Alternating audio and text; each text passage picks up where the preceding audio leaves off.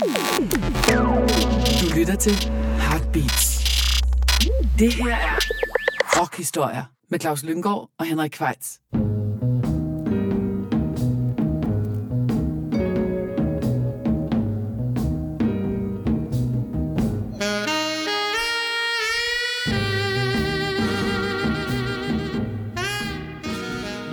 Ja, så er det sørme blevet tid til endnu en gang rockhistorier. Og dine værter er igen Claus Lynggaard og Henrik Fejs. Og vi sidder også igen, ligesom vi gjorde i den forrige podcast, på Roskilde Festival. Ja. Som jo fejrer 50 års jubilæum. Ja, efter med to års forsinkelse. Ja, og i den forrige podcast, der kom vi jo med vores anbefalinger til årets program. Ja. Kan vi sige, der var vi ligesom fremadrettede. Det var vi nemlig. Men øh, når det er jubilæum, så plejer man jo også tit at kigge lidt tilbage og mindes. Og vi har jo en del minder fra Roskilde Festival, Claus, da vi begge to har været her over 30 gange.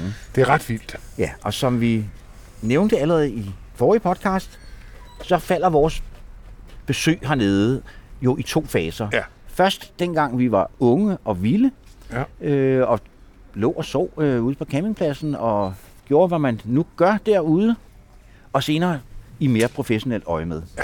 da vi blev anmelder. Øh, og ja, havde det som arbejdsplads. Øh, det gjorde for ikke, at man ikke også hygge der startede det jo i 93, øh, og så arbejdede jeg faktisk hvert år frem til 2012 som, som øh, professionel. Hvornår kom du herned? Jeg kom herned i, hvad har det været, 98 første gang ja. Som professionel, og blev ved til 2016 var den sidste Roskilde Festival, jeg dækkede.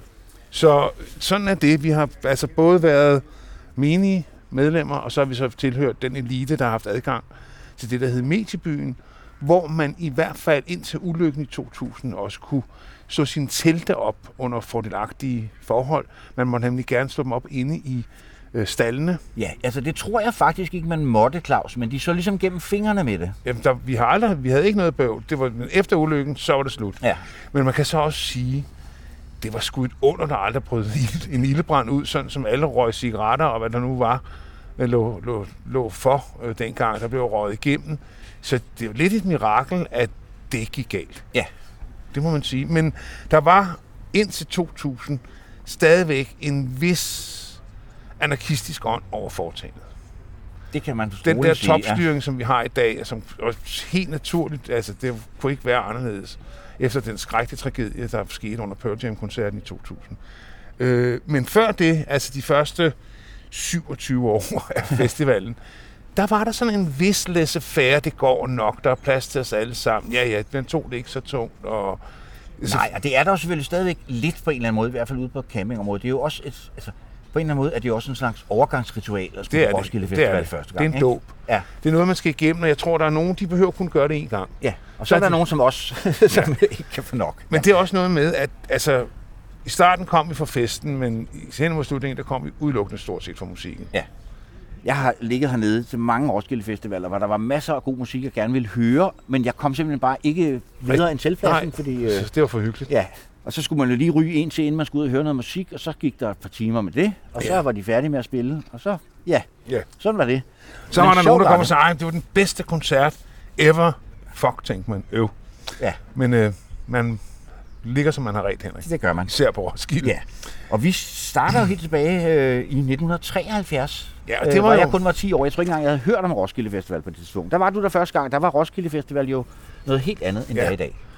Det hele startede jo med den der Woodstock-film, som jo var et kæmpe hit. øh, Der var sådan en midnatsforestilling hver lørdag i en lokal biograf, og det var meget repriser. Og jeg tror, han viste øh, Woodstock hver halve år, eller hver fjerde måned. Jeg har i hvert fald set den mange gange, og det var det, vi ville. Altså, det var ikke kun musikken, men det var også det der med de nøgne mennesker, og stofferne, og samværet, og mudderbadningen, og solskoldningen, og altså, den fornemmelse, vi oplevede det som en total frihed. Og da vi så hørte, at der var kommet den her festival i Roskilde, så vi var sådan en slæng af drenge, der havde hængt sammen siden øh, vi startede. Vi startede på en helt ny skole i 8. klasse. Du ved, kommunen, en helt ny kommuneskole. Så vi kom på forskellige, vi var sammenbragt fra nogle andre skoler. Og vi var sådan en 6-8 drenge, der havde en klike, som det hed. Havde de samme sunde interesser. Sunde interesser. Ja. Knaller piger, tjal og musik. Det var vist hovedstenen, udgjorde hjørnerne i vores øh, univers.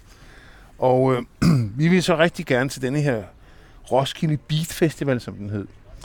Og øh, det købte vi så billetter til at drog glade afsted, som man jo gjorde med telt og sovepose og en Det kostede den formidable pris af 40 kroner, var 40 det sådan, det var? kroner. Ja. Ja, ja. Men så var der også 20 bands, Henrik. Det var så, hvis du regnede ud 2 kroner per band, så gav det jo Ja. mening, ikke? Det kostede 40 kroner, og øh, så tog man afsted med toget, og så havde vi selvfølgelig slæbt den der kasse. Det var jo med flasker dengang. De vejede jo fanden galt med. Altså, vi, vi vidste ikke, hvor langt der var fra stationen. Det var en af de varmeste Roskilde Festivaler nogensinde. Så vi bandede og svoglede, og Det var også, skal vi også sige til yngre lyttere, før der var et trinbræt ved selve Ja. ja. festivalen. Man skulle simpelthen gå fra inden for selve Roskilde Ja, station. det skulle man. Der var ikke engang busser derud. Nej. Øh, så vi gik fra Roskilde station øh, med denne her kasse bajer. Selvfølgelig var det til at finde, for vi fulgte strømmen. Der var jo hele 15.000. Og der blev sagt øh, dengang, den var overstået, nu kan festivalen ikke blive større. Det skulle så vise sig ikke at holde stik. Men det sagde de. Men der var også det meget anderledes i forhold til i dag. at Der var jo ikke et separat campingområde. Nej. Du Man sov stå- jo inde på pladsen. Det gjorde man. Du så, og du kunne blive... Øh, øh, altså, der var jo ikke... Der var kun den ene scene. Øh, så der var ikke musik døgnet rundt. Det startede sådan ved... Øh, om fredagen startede kl. 8 om aftenen. Øh, før- først var der sådan et eller andet blæserorkester, som vi synes var fuldstændig latterligt. Altså trompeter og så. Det var helt ydt dengang. øh, noget, der hed Kerne, tror jeg. Øh, som var sådan sjov musik, du ved, hvad jeg mener, ikke? Jo. Spike Jones. Men så kom Midnight Sun, som øh, vi jo elsker. Og så havde vi fået sådan et program, det var sådan et øh, duplikeret af fire ark, øh, hvor der stod i tre dages program, at så var der en aflysning ved midnat et eller andet svensk spillemandsorkester, og så kom Can't Heat, som jo var et band, vi kendte og dyrkede og havde lyttet meget til. Og så kom drengene op på duberne, ikke? og de skulle så spille. Før vi hørte Midnight Sun, det var vores... Vi var jo guitarfetishister. Per Frost, han var vores guitarhelt. Så det var jo top dollar. Øh, men Can Heat, der gik på ved midnat, det var bare så hot. Og på det tidspunkt var jo den berømteste af deres medlemmer jo død. Han gik selvmord i Wilson i 1970. Det var ham med, med falsetstemmen, Ja. som sang på deres to store hits On the Road Again og Going Up the Country. Going Up the Country var jo, var jo i Woodstock-filmen. Ja. Så der var, det lugtede jo rigtig meget af Woodstock. Men så havde de et hit mere, efter han døde, hvor øh, øh, Bob Hyde, som blev kaldt The Bear, som er sådan en en omfangsrig herre, ja, det kan man roligt sige. Ja. sang for. Der er, den var så, øh, han var så stadigvæk med Alan Wilson, der var 1970. Han spiller den der slide-guitar, der er der på. Og det var et hit, en sang, der hed Let's Work Together, en rhythm and blues nummer, som, øh, som blev deres sidste sådan markante hit. De var allerede ved at fade lidt der i Ja. 73. Altså, det er nok også sådan et band, man, hvor man nok skulle have været der Ja. for helt at sætte pris på dem. Jeg har prøvet at lytte til dem, Ja, fordi de er fylder heller- noget rock. Det, det, er, det Jeg har heller ikke sagt mig noget. Nej, altså de der to De lavede sådan plader også sammen med John Lee Hooker, så tænkte jeg, så må der den er være også, noget i den er faktisk, også, okay, den er også okay. Ja. Men øh, det er også rigtigt, at, øh, at der skete noget, da ham der Al Wilson døde. Altså, de mistede ligesom det der særpræg, fordi at Bob the Bear der, han var ikke nogen, var ikke nogen stor sanger. Øh, så det var lød som en sovjet, de fleste andre sådan Boogie, boogie blues bands. Ja. Men Let's Work Together var det nummer, de startede deres sæt med. Så det synes jeg også, vi skal starte vores sæt med her, Henrik. Ja. Øh, og det er så en studieoptagelse fra et album, der hedder Future Blues. Øh, det var sådan meget... Der var så ikke meget future Nej, over det. det var der sgu ikke. Øh, det var faktisk et rimelig sådan øh, retro band på sæt og vis. Og de udviklede sig heller ikke rigtigt. Nej. Men øh, ikke desto mindre, lad os høre Can't Hit, Let's Work Together. Ja, og så må folk, folk jo se mig i kædedansen. Så var dansede vi jo kædedans dengang. Og der dansede jeg altså helt, gav den hele armen. Vi havde også fået drukket alle bajerne, så humøret var højt. Let's Work Together med Can Heat fra 1970 til Minder om festivalen. Min ilddåb i 1973.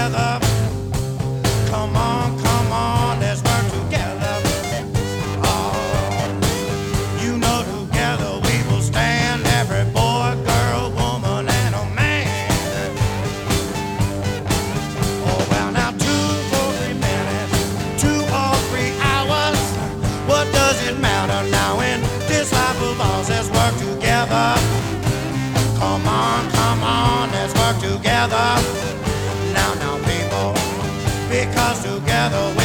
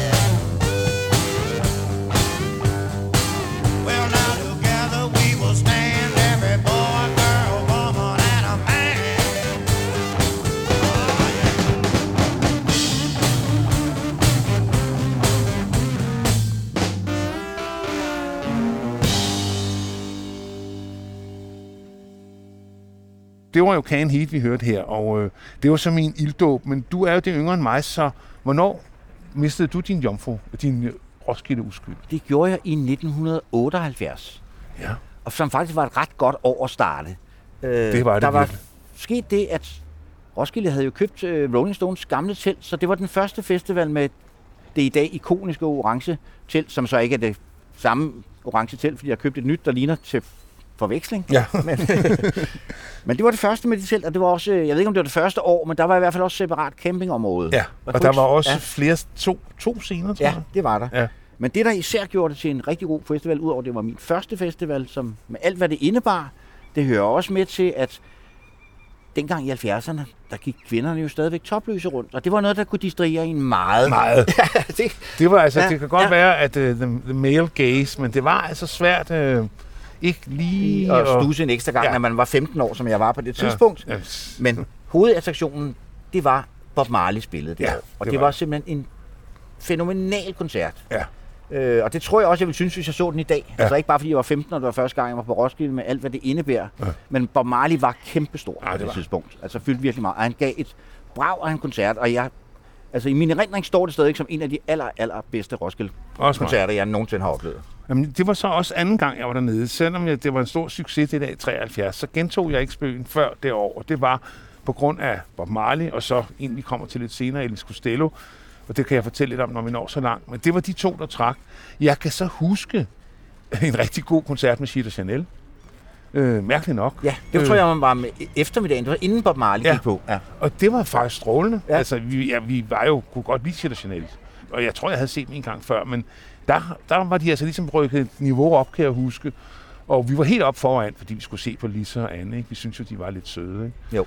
Så vi, altså, vi var helt op at køre også over dem. Men der var jo ikke noget, der kunne måle som Bob Marley and the Wailers. Og så skete der det for mig, at vi havde købt en flaske rød Aalborg, som jeg skulle passe på. Og så blev jeg væk fra de andre. Og dengang, når man blev væk fra hinanden, så blev man jo væk, for der var jo ikke mobiltelefoner eller noget som helst. Og det havde både fordele og ulemper, fordi ja. Nogle gange var, der, var man der lige sammen med en flok, man måske ikke lige var i synk med, og Ja. så kunne man sådan langsomt prøve at blive væk. Men så Og drak så jeg- mødte man jo altid nogle andre. Ja, og jeg drak lidt meget af den der røde Aalborg. så jeg var ikke rigtig klar over vej, indtil det gik op for mig. Jeg stod simpelthen midt inde i en flok Hells Angels. Og så tænkte jeg, hvad, nu er gode rød dyre. Og så tænkte jeg, hvordan gør jeg mig populær her? Så jeg spurgte, er der nogen, der vil have en tår af denne her? Så kiggede jeg så på rød Aalborg, sagde de. Nej tak, men så var jeg ligesom, så var jeg ok. Ja. Så, så jeg så Bob Marley sammen med englene. Ja, det var jo også et fænomen, som var, at jeg ved simpelthen ikke, hvornår det holdt op med, at det ikke måtte have rygmærker på festivalen. Men, Nej. men helst egentlig var det altid en crowd, man så. Og de havde deres egen øh, parkeringsplads ja, ja, ja. og lejr lige ved hovedindgangen. Ja. Øh, så man var klar over, at de var til stede. Måske for at ligesom holde øje, men de var, jo- der var aldrig ballade med dem Nej, øh, dernede. Aldrig de opførte sig eksemplarisk, de var også søde. Altså, jeg kom senere i kontakt med dem, det skal jeg ikke snakke om her. Men, øh, Bob Marley havde jo lige øh, udsendt LP'en, øh, jeg tror, det var den, der hed Kaja, ikke? Jo, det passer meget godt. Ja. Ja. Men han havde jo allerede en helt strip strålende, strålende. Måske var det faktisk klimaks, øh, man oplevede Exodus og Rastaman Vibration og Burning og Catch a Fire. Der er jo ikke en dårlig plade imellem det. Nej. Er det ikke? Jeg, tror faktisk, det er også det er fra samme. Den der Babylon by Boss, tror jeg, er faktisk fra det, den, den tur, som- ja. ja, det er rigtigt. Så der kan man faktisk opleve sættet. Og dengang var der altså ikke den der stramme tidsregel med en time. Jeg mener, han spillede tæt på to timer. Jeg husker det i hvert fald som en lang koncert, Ja. og sådan, altså nærmest euforisk øh, Ja. oplevelse. Jamen, folk var... Ja. Altså, man behøvede faktisk ikke ryge fed for at komme op og... og Det sørgede han for. Ja, jeg havde den røde Aalborg, ja. Så der var ikke noget problem Ja. øh, med det. Og jeg har så valgt nummeret Get Up, Stand Up, fordi det var også sådan, det var den følelse, man havde. Ja, det kunne man, det det var kunne man, hvad kunne man virkelig synge med på, ikke? Men det var det første Bob Ja. Marley-nummer, jeg nogensinde hørte. Ja. Og der var sådan en Island Sampler, man kunne købe for 15 kroner, hvor der så var Free og øh, Uriah Heep, og hvad de nu hed, de der bands. Og der var det nummer på, og det var ubetinget pladens bedste nummer. Øh, så det var, jeg tænkte, dem der, dem må jeg tjekke ud. Og det er stadigvæk et godt nummer. Ja. Stammer oprindeligt fra albumet Burning, der kom i 1973. Ja. Da det faktisk stadig bare hed The Wailers. Ja. Øh, fordi at det, som der, det oprindelige øh, øh, Wailers, det bestod jo af Peter Tosh, og Bonnie Wailer og øh, Bob Marley. Men hen ad vejen faldt Peter Tosh og Wailer, øh, Bonnie Wailer fra. Så var der, så blev det Bob Marley and the Wailers, og så kom de der The Eye Trees, blandt andet, blandt andet hans kone Rita Ja, Marley. sang kor, ja. Ja. Og det var faktisk noget, der også løftede musik. Det gjorde det. Det blev sådan nærmest en slags gospel reggae. Ja, det kan man godt sige, Vi kan ja. opfinde en ny genre her ja. i rockhistorie i dag. Ja. Men her skal vi altså høre den, det faktisk teknisk set en indspilning med The Wailers, øh, hvor Peter Tosh og Bonnie Wailer stadigvæk er med på en af hans mange signatursange, Get Up, Stand Up.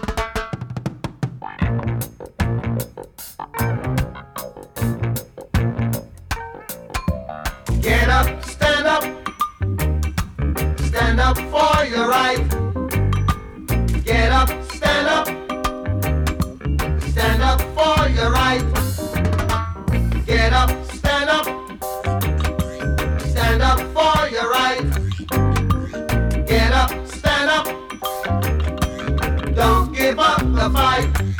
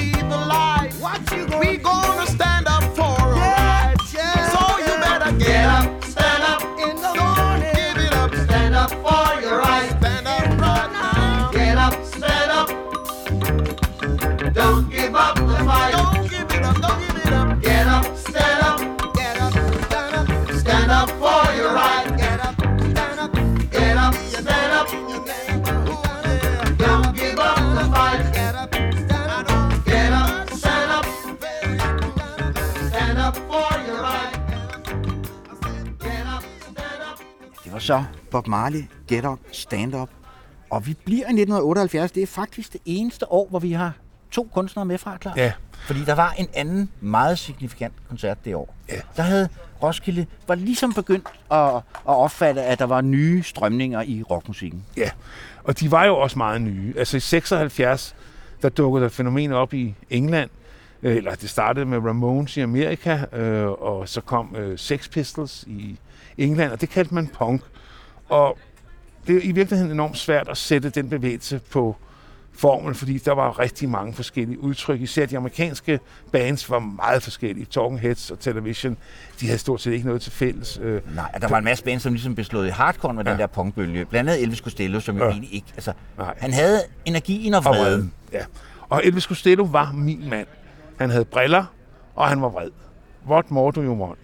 Og dengang lå der en pladebutik nede i Frederiksborggade, der hed Akkord. Nej, den hed Musik Thomsen. Ja. Og det var faktisk et levn for fortiden, fordi det var herre og fru Thomsen, der havde den. Og der stod pladerne inde bagved. Der skulle man bede om, altså man skulle vide, hvad man ville have. Og hvis ikke de havde det, så blev det bestilt på sådan en lille hvidt kort. Men lige inden for døren, der var sådan en kasse med udsalgs og på disken, der stod singler, øh, de nyeste singler. Og jeg, og jeg havde jo læst om det her punk, men du kunne ikke få de der plader nogen steder. Der var begyndt at komme de der små uafhængige pladeselskaber, Stiff Records og hvad de hed, som vi var meget optaget af. Så bladrede de igennem, og der stod Less Than Zero som syvtommer, og White Riot med The Clash. Det var en god dag i plademusikken. Jeg siger dig, Henrik, de to singler, er de blevet spillet, eller hvad? A og B side. Så dem bar jeg jo hjem til min lejlighed i Nansensgade, og den der Less Than Zero, Everything Means Less Than Zero, det, sådan havde jeg det. Ja. Altså, det, han, Det var noget, han, man kunne relatere han til. sang Ja. det, jeg var. Så jeg var På, på en mange måder kan man sige, at han var antitesen til Bob Marley, som Ja. var meget positiv Ja, og så så var videre. han Ikke? meget, meget negativ. Ja. Ja. Og så kom albumet My Aim is True, hvor den også er på øh, singlen, men altså Welcome to the Working Week og Allison og er bare en, altså en plade, som jeg bare... Jeg kan ikke sige dig, hvor mange gange jeg har hørt den plade. Den. Og det år her, så, hvor han kommer, der finder han jo så det band, der hedder The Attractions, øh, hvor øh, han har den berømte Steve Neve på for fiseorgel, øh, som jo er sådan fesen instrument, som han virkelig kunne Få noget ud af. give mening. Ja. Og de havde jo så lige haft et kæmpe hit med I Don't Wanna Go, uh, uh, uh, I Don't Wanna Go to Chelsea. Ja. Og øh, det var det, der havde lavet en plade, This Year's Model, det år, som nok er værket, hvis man skal have en Elvis Costello-plade, og det skal man. Så er Man det skal vel- nok også have mere end en, men Ja. det er i hvert fald et godt sted at starte. Ja. Altså, man kan også godt have 20, men ja. øh, det er i hvert fald et godt sted at starte. Og det var det bane, han kom med, og han havde rød jakke på. Og han startede med at lægge sig ud med både journalisterne og fotograferne. Han var arrogant og ubehøvlet. Torben Bille tilgav ham aldrig. Torben Bille var en, en nu, øh, han er nu død, men han var ligesom øh, politikens mand på musikken i de år. Meget toneangivende. Øh, det var meget, betød meget for danske bands, hvad han skrev. ja, og så var han også redaktør af det blad, der hed MM, som ja, også var det også store det. danske musikblad. Ja. Han tilgav aldrig Costello den behandling, han havde udsat pressen for. Øh, Men, men det var vi ligeglade med. Ja. Vi synes bare, han var cool. vi synes, han var fantastisk.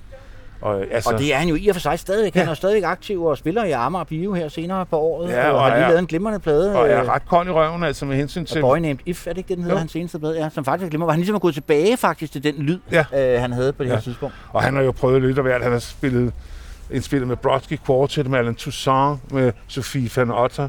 Altså, han har været så kold. Burt han, Bacharach Burt Bacharach ja. lavede en fantastisk plan, Burt Bacharach, og så haft flere bands ud over The Attractions. Øh, så The Imposters og... Ja, det hedder det nu, ikke? Som jo er to tredjedel af Ja, Attractions. Og er gift med Diana Krall, jazzpianisten. Øh, og de har to sønner. Jeg interviewede ham i forbindelse med A Boy Named F. Øh, så ja. Ja, men lad os høre Elvis Costello fra det herrens år 1978. Less than zero.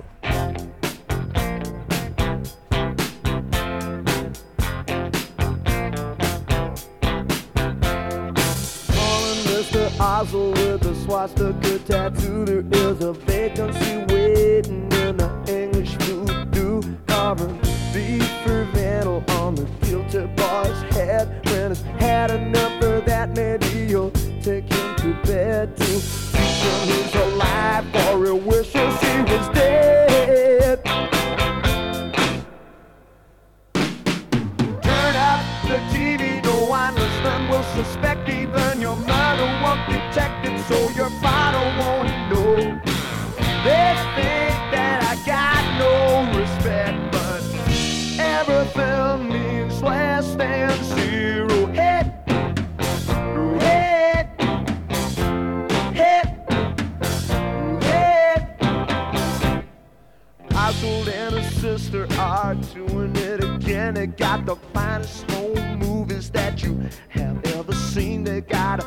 Thousand variations, every service with a smile. They're gonna take a little break and they'll be back after a while. Well, I hear the South America is coming in a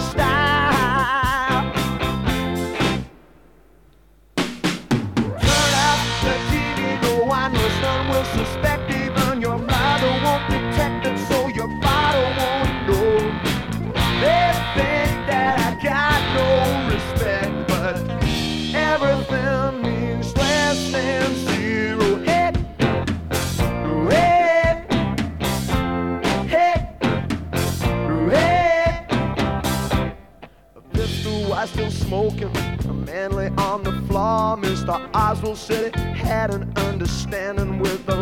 He said he heard about a couple living in the USA. He said they traded in their baby for a Chevrolet. Let's talk about the future now. We put that past away.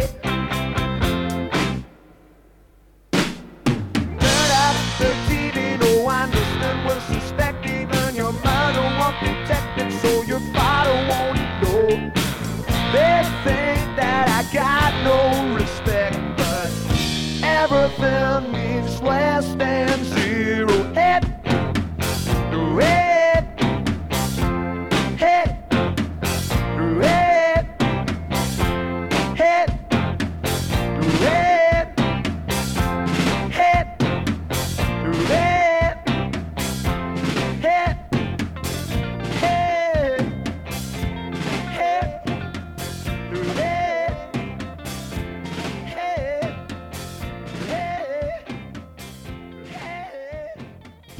det er jo, så man får et tår i øjnene af, af alle de minder, der vælger frem. Men nu skal vi lige et år frem i tiden til en festival, jeg ikke var til i 1979, men der var du nede på din anden Roskilde. Henrik. Yes, jeg var nemlig blevet bit af øh, The Roskilde Box, så jeg Ja. tog ned igen året efter. Og jeg må blankt erkende, at det er ikke et år, som står særligt klart i min erindring. Øh, wonder why. Øh, men jeg kan huske en ting i hvert fald. Som sagt, jeg var inde på, de var sådan begyndt at opdage, at der var nye strømninger i rockmusikken, så de havde booket Talking Heads. Ja.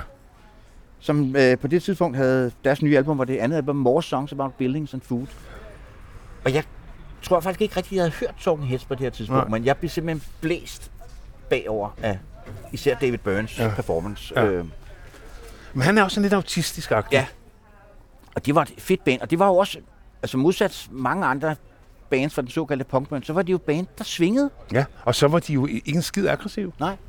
De var meget venlige og velopdragende unge mennesker, som spillede en skæv, øh, en skæv form for rockmusik, som lå sådan lige lidt øh, anderledes et andet sted end meget af det musik, man hørte dengang. I dag kan man jo godt høre, når man har hørt den plade der, fordi du havde den med, hvor stildannende de har været, hvor meget de har betydet for indie-rocken. Ja. Det er jo næsten det, jeg vil betegne. De udvikler sig jo så helt vildt, Talking Heads, øh, i de her år her. Men her er det altså simpelthen the blueprint for indie-rock, vi hører.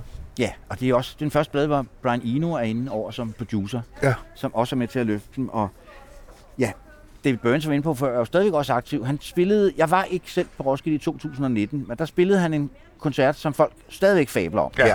her, tre år Jamen efter. altså, Ja, ja. Det er jo, altså, det er jo, er, altså man kan sige, vi, vi kan ikke rigtig stå model til det hernede mere, men der, man går jo uværligt glip af noget. Ja.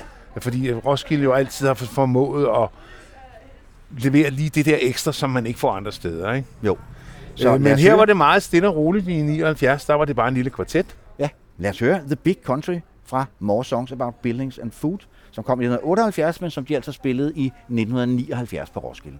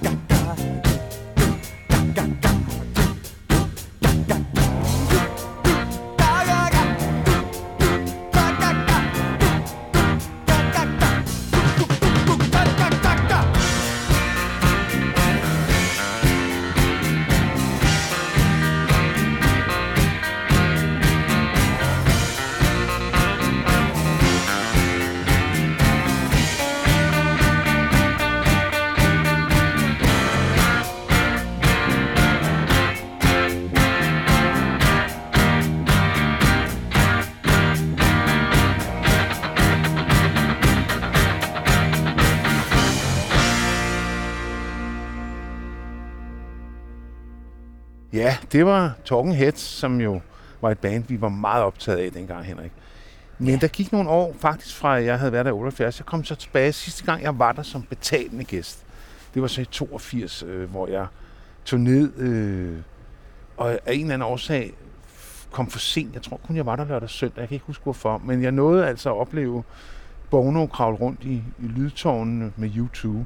Noget, der Den traumatiseret. koncert, ja, den koncert så jeg også, og jeg synes allerede dengang, han var en nar. Ja. Ja. Så kan jeg bare sige det. Altså. Det, trau- der blev vi Ja. traumatiseret, Henrik. Men de står for mange andre som en helt legendarisk Ja, ja. Roskilde-koncert. Så og fred være med det. Ja. Jamen, de er jo, var jo et meget elsket ja. Ja. bane. Øh, men vi, derfor springer vi flot og fornemt over 1982 82. og frem til 1983, hvor øh, Roskilde første gang rigtig også begyndte at præsentere verdensmusik. Jeg oplevede blandt andet King Sonny Adi and his African Beats, øh, som var mindblowing. Jeg tror, der var 14 mand på scenen. Men dem har jeg snakket om i en tidligere program, vi lavede øh, om festivalen for mange år siden, men nevertheless.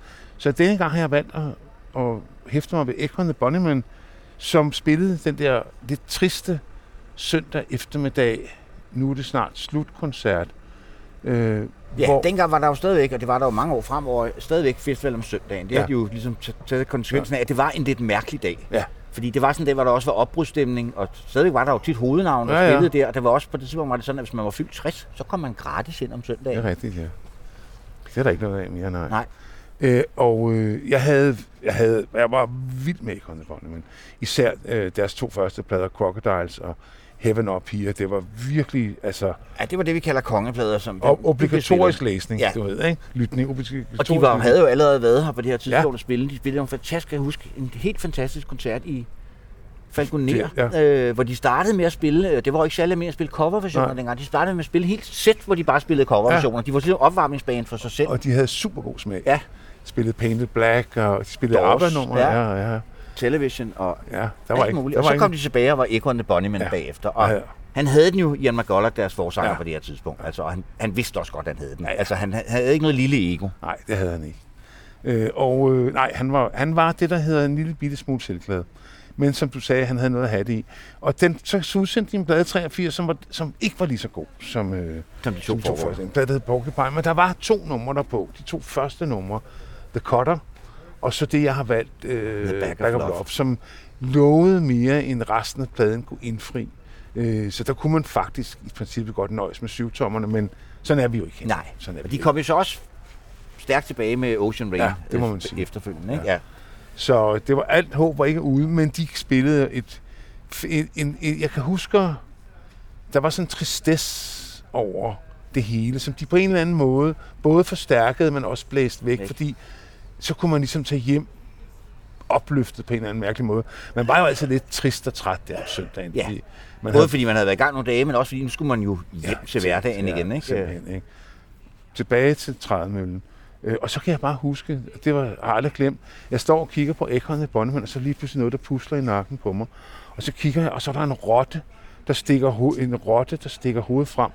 Og jeg var simpelthen lige ved skide bukserne, og så stod der to punks bag mig og skreg og grin, for det var deres kælerotte, som de gik rundt og satte ja, op på folk. kæ- kælerotter. Det var jo, jeg op, det var jo ja, ja. et, et fænomen Ja, der. ja. Men det var da et under, jeg ikke lige gav den ind på. Altså, ja. fordi, ikke? Så Du har det altid været en god dyreven, Claus. Ja, ja. altså jeg, jeg har så rotter, ja, jo, jo, ja. Øh, det var i hvert fald øh, noget, en markant, noget jeg husker tydeligt, fordi at det er altså ikke lige det, man forventer at se på sin skulder sådan søndag eftermiddag på Roskilde. En stor, fuldfed rotte, der smilende Ja, kigger ja. på dig og tænker, hvor Både du havde fået delirium 3, men Ja, ja. et eller andet. Det var helt Ja. vildt. Men uh, lad os høre Echo and the Bunnyman, The Back of Love.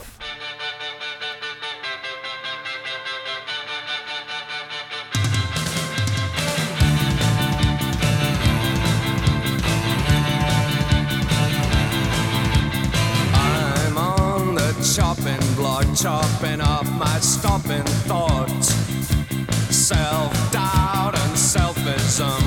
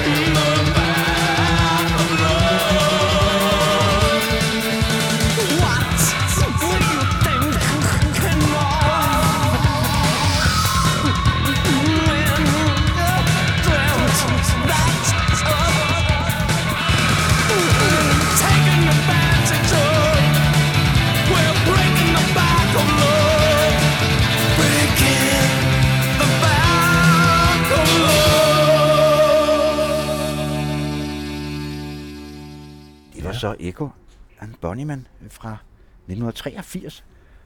Så springer vi frem til 1985. Som og jeg noget, overhovedet ikke kan huske. Nej, jeg kan heller ikke huske så meget af det, men jeg kan huske den koncert, jeg har valgt noget fra, fordi det, der også hører med til Roskilde Festival, der er jo altid rigtig mange danske bands ja. af indlysende årsager. Ja.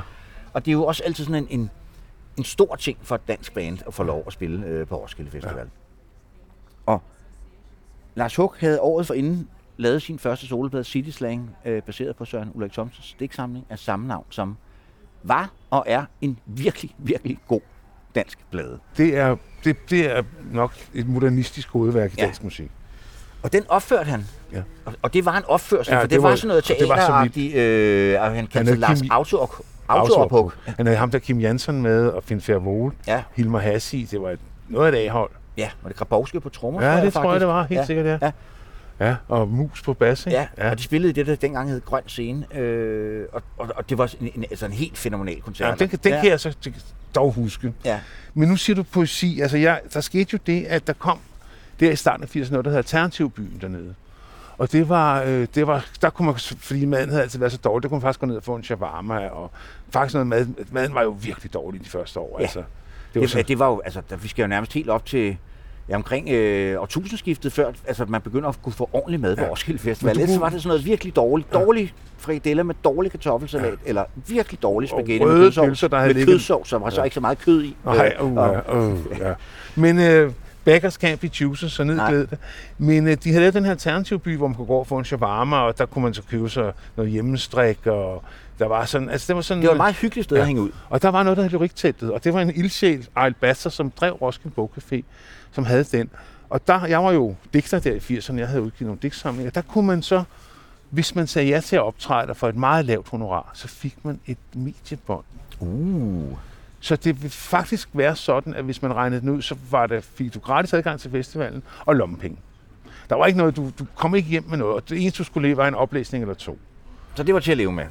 Det var til at leve med, og det kørte faktisk for mit vedkommende hele var hvert år frem til 1991. Den blev, da det store regnskyld kom, der blev Alternativbyen lukket. Men så fra 83 til 91, der arbejdede jeg, kan man sige, på festivalen ved, at jeg skulle læse nogle digte op. Jeg havde også nogle performance bands med T.S. Høgh og Peter Ole Jørgensen og sådan noget. Vi prøvede at variere det lidt, øh, men, og det kunne jeg Men fortælle det var mig. et rigtig godt sted at hænge ud, også, også fordi der, der var overdækket, så hvis Ja. det var regnvejr, var det et rigtig godt sted. Ja. Der hørte man også de dårlige digtere. Ja. det er rigtigt. Ja, så kunne man sidde derinde ja. Og få og hænge over en kop kaffe og hygge sig, og det var der faktisk rigtig, rigtig meget. Jeg har mødt forbløffende mange, der har oplevet mig der. ja. Altså ned gennem årene, så jeg så der derovre. Nå, okay, ja, det kan jeg sgu ikke huske. Nej. Men øh, det var lige sådan, øh, apropos poesi, nu skal vi høre afsked med Lars Autorpuk.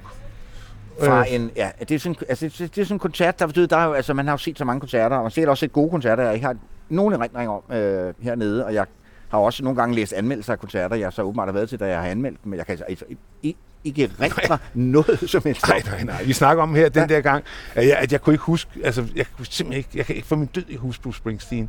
Og jeg ved, jeg må have været, jeg må have været der. Ja, det var altså en glimrende. Ja, øh, det har det ja. sikkert været. Jeg kan simpelthen ikke huske det. Nå, Ja, men tilbage til Lars Hug og afsked fra albumet City Slang.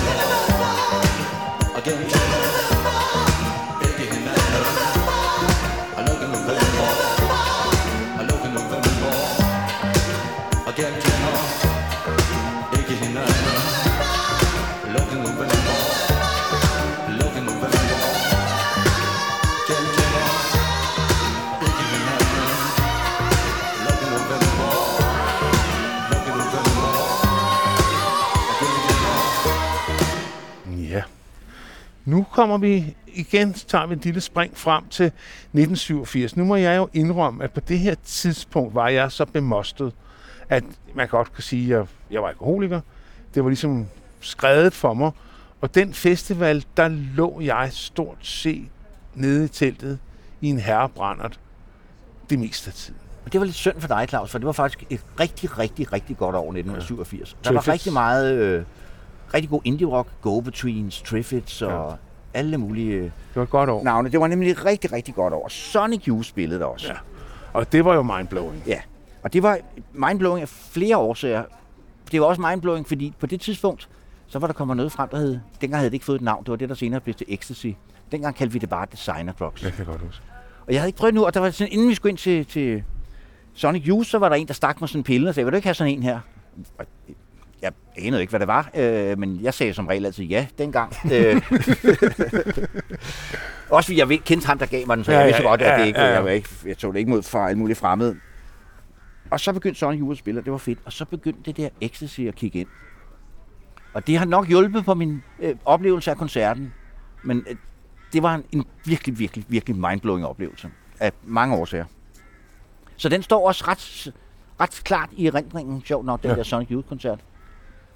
Øhm, så den synes jeg, vi skal mindes øh, Ja. med nummer fra den plade, der hedder Evil, som kom året før, i 1986. Som, det var ligesom, jeg, jeg var ikke med helt fra starten. Det var de to plader, den der hed Sister og den der hed Evil. Det var ligesom Sidste, der, det var min første. Ja, det var der, jeg ligesom begyndte at, at tire en fald for mig med hensyn til Sonic Youth. Ja. Øhm, Som vi jo så har set utallige gange siden. Ja. Men øh, Men uh, der, der kom jeg altså ikke ud af teltet. Må jeg nej, indrømme. det gjorde jeg. Jeg kom ud af kroppen, eller hvad man nu Ja. kom ud af. Øh, Så lad os høre Shadow of a Doubt med Sonic Youth fra 1987.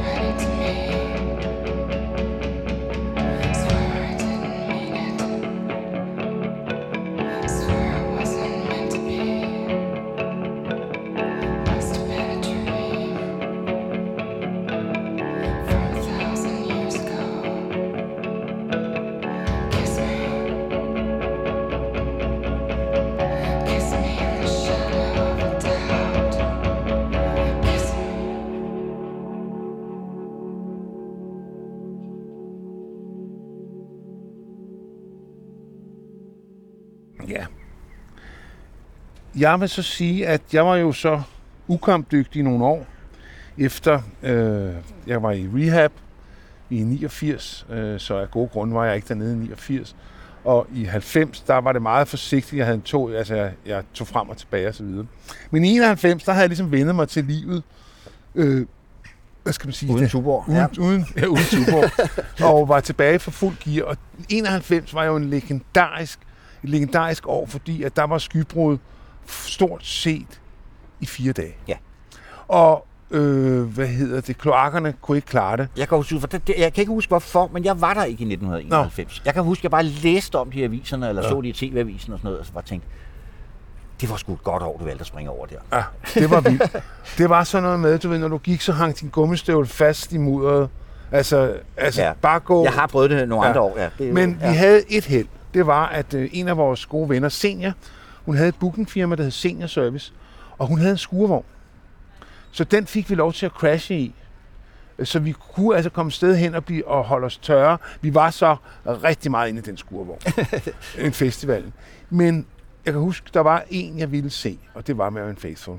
Øh, fordi at vi havde jo i mange år øh, fulgt hende og købt hendes plader, og hun var jo en legende allerede dengang. Og hun spillede øh, på en af de mindre scener.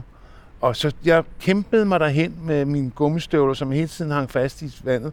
Og så kom jeg ind, og hun havde lige lavet den liveplade, der hed øh, Blazing Away, som er...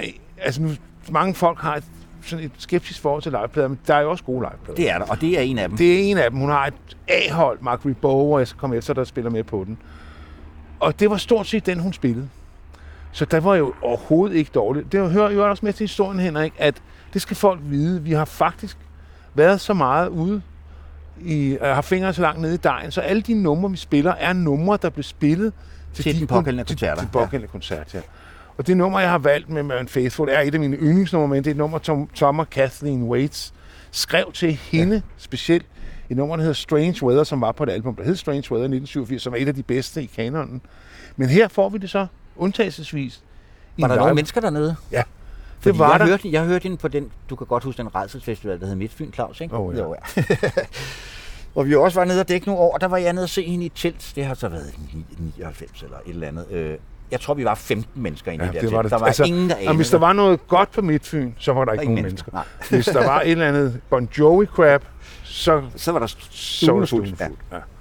Det, det kunne man helt sikkert, altså det kunne man helt ja. sikkert gå ud fra. Og jeg har også haft fornøjelsen af at møde og interviewe Ja, det jeg, ja. øh, Lauren. Og hun er meget, meget underholdende bekendtskab. Ja, hun er ja, super fantastisk. Og Hun er jo stadigvæk, øh, stadigvæk... Jeg tror ikke, hun er aktiv mere, fordi hun fik vist ret alvorlig covid. Øh, Ja. ja. blev meget syg, øh, så jeg tror ikke, hun... Sidste plade, hun lavede, var en, øh, En digt. en digtoplæsning, fordi hun simpelthen ikke har stemme til at synge mere. Ja. Og hun har altid haft sådan en lidt rusten, vi kan Ja. godt, den, den type stemme, vi godt kan lide. Ja. Måske ikke så meget øh, register, men til gengæld som fucking meget personality. Og det synes jeg, hun folder vildt flot ud på det her nummer. Så lad os... Øh, Lad os høre Marion Faithful med Strange Weather.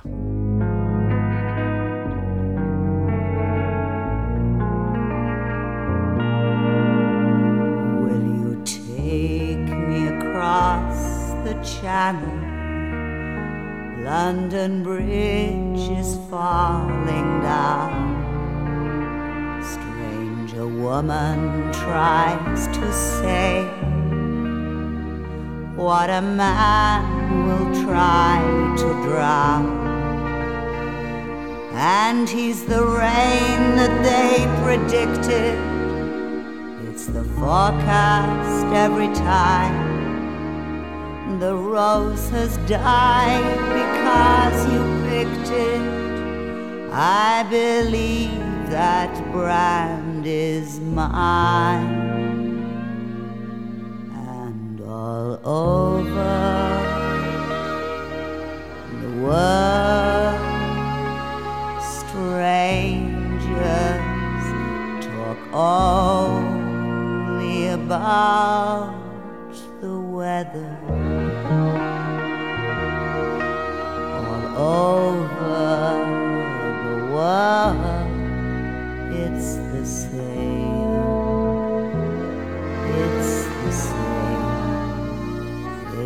the same.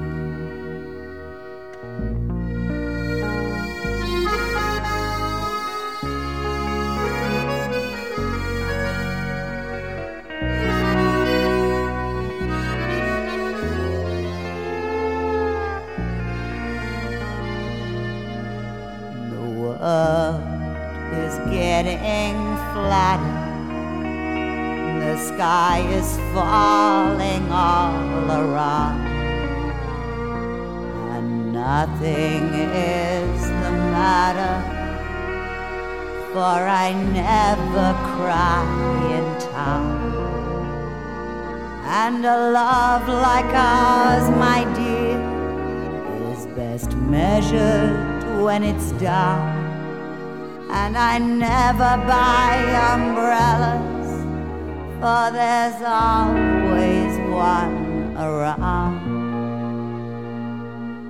And all over the world, strangers talk only about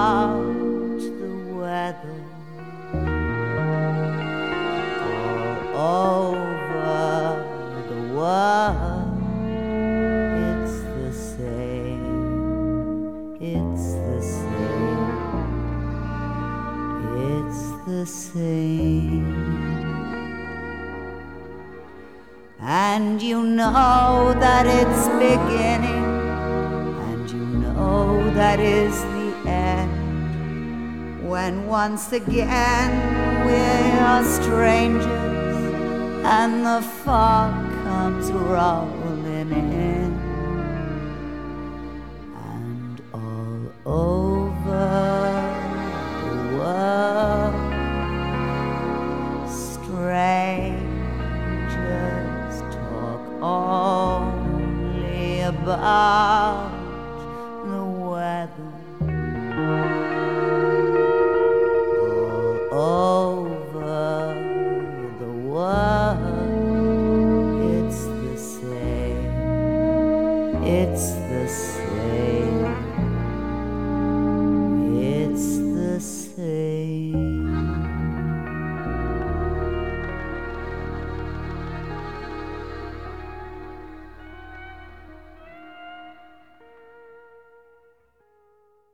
Det var så Strange Weather med den...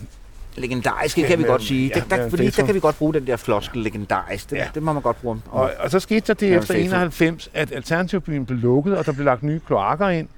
Øh, så det gentog sig ikke, i hvert fald Jeg tror også, der blev lagt dræn, Dræn. ude på selve, øh, Ja. hvad hedder det, smerten, som den hed. Ja. Ja. Øh, Dræn, det var det ord, jeg ledte ja. efter. Ja. Dræn Ja. blev der lagt.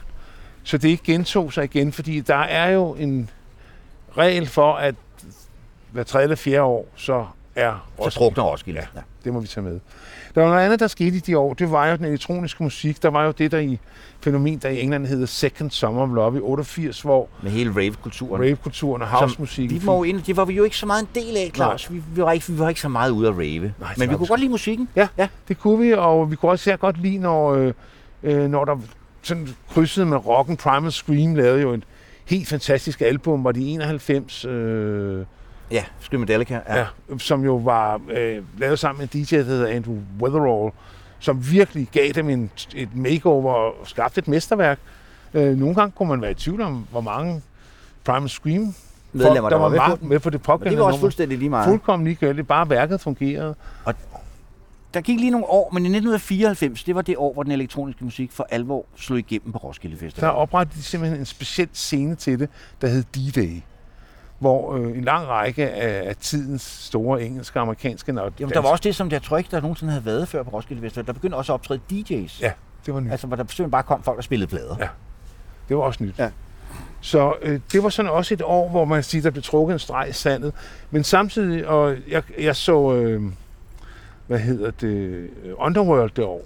Og det var Den så jeg også. Det var mindblowing. Altså, jeg blev fuldkommen vild Ja. med det band. Øh, dop, Og dop, der stod til Underworld-koncerten, der stod en vis Islands sangerinde og dansede op på scenen under hele deres ja. koncert. Ja. Og det var Bjørk selvfølgelig. Ja. Men nu spillede så også sin egen koncert. Ja, og der havde Roskilde så... Det sker jo for dem en gang imellem. De havde miskalkuleret.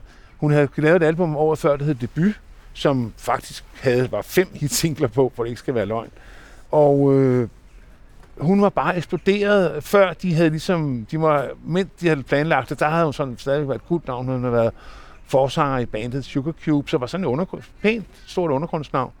Men hun var crosset over, også på grund af MTV, fordi hendes videoer var mindblowing. Ja. Øh, dem hun lavede. De Men var, de havde ikke taget konsekvensen og flyttet hende op på en større scene. Nej. Så det var med, med livet som indsats, at vi var hen og se Bjørk der. Det var helt vildt, så mange mennesker, der prøvede at komme ind i det lille telt. Vi var jo så i den heldige situation, at vi havde mulighed for, jeg havde i hvert fald mulighed for at gå op på bagscenen, fordi jeg havde det der armbånd, anmelderarmbånd, så jeg kunne stå og se det. Men der var den bagdel ved at se koncerterne deroppe, at lyden altid var af helvede til. Ja.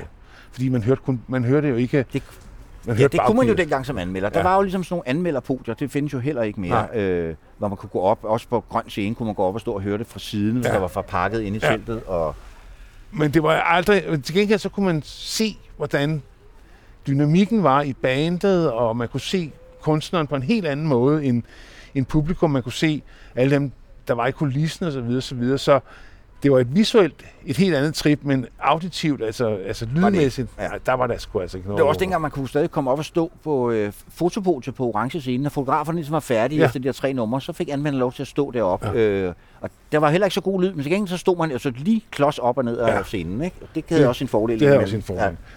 når man skulle anmelde. Men Bjørk var altså på mange måder det års øh, øh, sensation. Jeg har lige en lille sjov historie inden da. Det var, at øh, jeg skulle ned, Radiohead var jo lige kommet frem, øh, og jeg var helt vild med The Creep. Og jeg stod og hørte dem sammen med politikens rockanmelder Anders Rov Jensen, som blev ved med at sige til mig, kæft hvor er de gode. Og da han sagde det fire gange, så tænkte jeg, ja, ja, Anders, ro på nu. Så næste Viste dag... det sig, at han troede, at det var How Do I, der havde dansk- spillet dansk Han, band. han anmeldte den som en How Do I-koncert. koncert dagen efter i avisen, hvor nok den bedste anmeldelse af How Do I Nogensinde. nogensinde, Jamen, fået. De havde det, jeg kan huske, de lagde den jo hver, øh, når- de udsendte plader, øh, så, så lå den der Anders Rog Jensen altid med. Og, øh, og så mødte jeg ham og så sagde han, hvorfor sagde du det ikke? Og så, så sagde han, jeg anede da ikke, at du troede, det var How Do I, Anders. Hvor fanden skulle jeg vide det fra? Jeg kunne godt se, at du var godt op og køre over det. Internationalt gennembrud og alt muligt. må man sige. Det må man sige, ja, det var jo rigtigt nok. Det var bare den Øh, forkerte band. Ja. Men sådan var det. Men vi har så valgt uh, Bjørk, fordi at hun virkelig brændte igennem derovre. Og vi har valgt den femte og sidste single fra debut, Violently Happy, som er den berømte video, hvor hun slagter en bamse. Det er min frue aldrig rigtig kom. Har aldrig helt tilgivet hende. En, en, en, en, en, en, med en saks, der bliver myrder hun den der bamse. Men øh, det skal så udtrykke at være violently Violently happy. happy. Men her nøjes vi bare med at høre skæringen. Den kommer her. Since I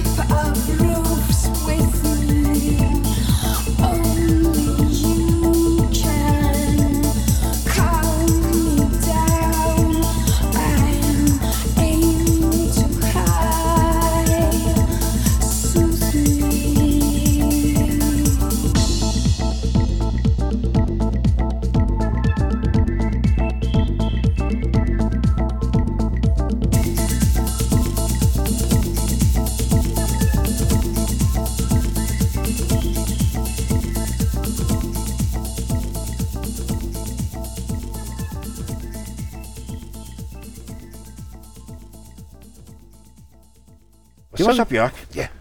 Og nu bliver vi, altså 90'erne var, der begyndte festivalen musikalsk virkelig at have rigtig, altså nu begyndte der at være mange navne på plakaten. Ja. Mange scener, Nå. meget at holde styr på. Nu skulle man Mange virkelig... store navne. Den havde også ligesom fået international øh, renommé, som at det var en fed festival at spille på, så de kunne tiltrække nogle rigtig, rigtig, rigtig store navne. Og de forkælede virkelig deres Ja. ja. kunstnere. Altså det var en festival, og som folk rigtig gerne ville spille på. Der var simpelthen, den havde, som du siger, a good rap. Yes. Også hos en vis Neil Young, Ja. som har spillet her fem eller seks gange. Første gang spillede her, det var jo på det, der hed... De havde jo sådan en, der var jo sådan en ekstra Roskilde Festival, der hed Heyday. Kan Det huske godt, det? jo, jo. Som var sådan en, bare en endags øh, Ja. festival, som lå uden for sæsonen. Ja, det er Eller det rigtigt. lå, jeg tror faktisk, den lå efter Roskilde Festival. Der havde de ligesom bygget scenen op, så kunne de lige så godt holde Ja, en, ja, det øh, er rigtigt. Hey, det, ja, det Ja, havde jeg hvor glemt. Radiohead faktisk også spillede om. Der spillede Neil Young, tror jeg, i 94 med Pearl Jam som uh, backing band. Mm. Og som faste lytter af rockhistorie ved, så er jeg ikke den store Pearl Jam-fan, så det Nej. var ikke den bedste Neil Young-koncert, jeg har set. Nej. Og jeg, men til gengæld har jeg set ham levere nogle helt fantastiske præstationer på orange. Han kan noget med orange scene. Ja. Altså, han kan virkelig spille det der rum op. Ja. Og, Og, der det havde han flere så Crazy. Horse med, Ja. ja. som er også hans smagssag. Jeg er ikke øh, ubetinget Crazy Horse. men når det kører for Crazy Ja. Horse, og når de kommer ind i den der Trance. trance, så er det noget helt fantastisk. Ja, det det, det rigtigt. gjorde de blandt andet i 1996. Men var det ikke der, hvor han spillede så længe, så Nej, et sort sol det var ikke- det var, Nej, øh, det, det det var var- T, ikke? Nej, jo, det var, det var, det var senere i hvert fald, hvor han jo ikke gik af scenen. Han spillede, jeg tror, en time over, øh, hvad det der allokerede slot. Og der var ikke Så- rigtig nogen, der Så tog Stor stoppe. Sol, så skulle have deres store moment på orange scene. De var simpelthen gået sukkerkolde, så de Ja. spillede ikke en særlig god koncert Nej. øh, efter Nej. Neil Young. Men det var lidt senere øh, i begivenhedens gang, så lad os høre Neil Young. Ja, vi skal lige have en historie med fra Ja. ja. 96, fordi at en af trækplastrene var jo Sex Pistols. Det er rigtigt. De var blevet gendannet. Nu skulle vi ned og se Sex Pistols. Dem havde vi jo ikke set i sin Nej, tid. jeg så dem jo. Jeg så dem ikke i Dallas Dance Det gør jeg ikke. Det er også en, det, Ja. ja. det gør stadigvæk nas. ja. Men jeg, min undskyldning var, at jeg var fremarbejder i Sverige, så sådan var det. Jeg kunne ikke rigtig lide. Lad det hvile. Vi så dem ikke. Nu skulle vi se dem. Og øh, de gik på, og det startede faktisk ret lovende. Det gjorde det. Altså, Johnny Rotten virkede rigtig tændt. Og Ja. det, men de nåede kun at spille kvarter. Ja. Fordi så var der en, der kastede en flaske op på scenen. Øh, og det ville Johnny Rotten ikke finde sig i. Så de gik simpelthen af. Ja. Og kom ikke tilbage. Nej. Og det var lidt ærgerligt, for de havde lige fået... Det kunne Men- faktisk godt blive en ret god Ja. koncert, det er her. ligesom lige glæder os til, at Nå, det kan sgu godt være, at de gamle drenge kan levere varen. Ja. Ja. Men øh, det, det er noget, vi så ikke oplever. Var det også det år, Velvet Underground spillede? Det Det kan sgu egentlig godt have været 96. Jeg kan ikke som 96 eller 97, det kan jeg simpelthen ja, ikke lige huske men nu. det var lidt mat. det var ikke nogen... Altså, man, vi har set vel Underground. Ja. Ja. Det, det, det, det, Det, vil jeg vi sige kan, om den det, lad, lad os nøjes med, lad os Ja. holde os til det. Ja. Lad os holde os til det. Eller Ja, som men- John Cale udtrykte senere. Lou Reed med et nyt backing band. Ja. Ej, det var, der har ikke været god stemning Nej. i orkester. Men vi fik set Sterling Morrison, og ja. Og Så- Morning Talker, ja. ja. Så det var det hele Sådan værd. er det. Ja. Men nu skal vi høre Rocking in the Free World, og den er der to versioner af, og den elektriske kom som single dengang, og det er den, vi skal høre. Yes.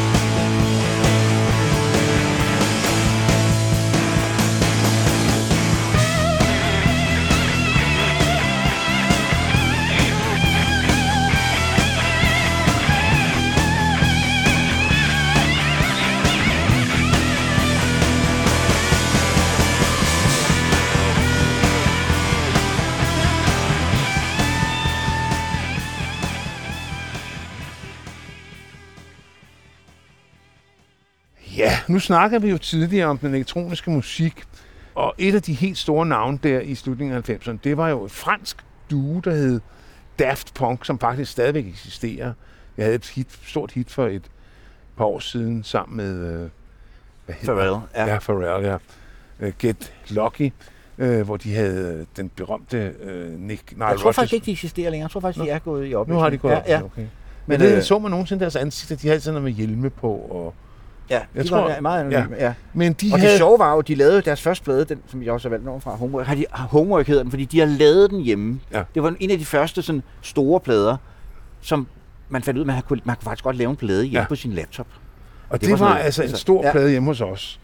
Øh, den sommer der, og det år 97, der vil jeg sige, der hørte vi altså Daft Punk morgen, middag og aften. Fordi det var så musik, du kunne bruge. Du kunne passe til alle lejligheder. Det var hypnotisk, monotont, og alligevel skete der hele tiden Ja. noget. LCD Sound System har engang lavet en sang, der hedder Daft Punk is playing at my house. Og Daft Punk, de spillede i vores huse, ja, lejligheder det, det så været gjorde de dengang. virkelig Det er meget, meget ofte. Helt sikkert.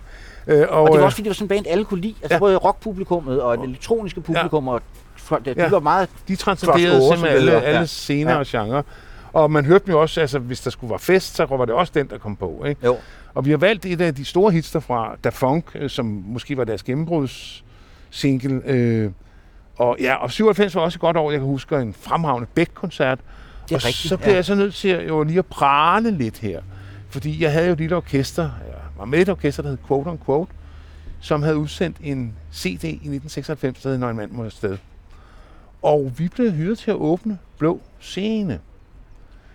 Og det var jo meget, meget... Ikke orange. Nej, den hed Blå Scene. Det var en af de der små ja. Indie-scener. Ja. Men vi var så nervøse. Vi havde sat til at spille en time, at vi spillede så hurtigt, så vi var færdige efter 50 minutter. Fordi at vi simpelthen havde så mange nerver ja, på, ja. så vi, altså jeg ved ikke sige, vi jappede igennem numrene, men da vi sådan så spillede sidste nummer og kiggede på og tænkte, gud, Hvad nu? der er 10 minutter tilbage. Så skulle I bare gøre ligesom kliché. Kan jeg huske, da de øh, spillede nogle af deres første koncerter, så havde de jo heller ikke særlig mange numre på repertoireet. Så når folk var på ekstra numre, så kom de bare ind, så startede de bare koncerten forfra. Ja, det skulle vi have gjort. Men vi var, jeg tror altså, vi var, jeg var pivende nervøs. Men det var sjovt at prøve, og også prøve at den helt fantastiske behandling, man fik som kunstner. Altså, øh, de var så søde og hjælpsomme, og altså, man følte virkelig, man var noget. Man følte, man var velkommen. Så jeg har Ja, prøvet det. ja. Jeg har prøvet det i en lille skala at spille på Roskilde Festival, og det er jeg ikke for fint til at, lade- at, at nævne. Nej, det skal du heller ikke være. Så, men nu skal vi høre Daft Punk, og vi skal høre Da Funk, som jo var en af årets uundgåelige Det var i det. 97. Thank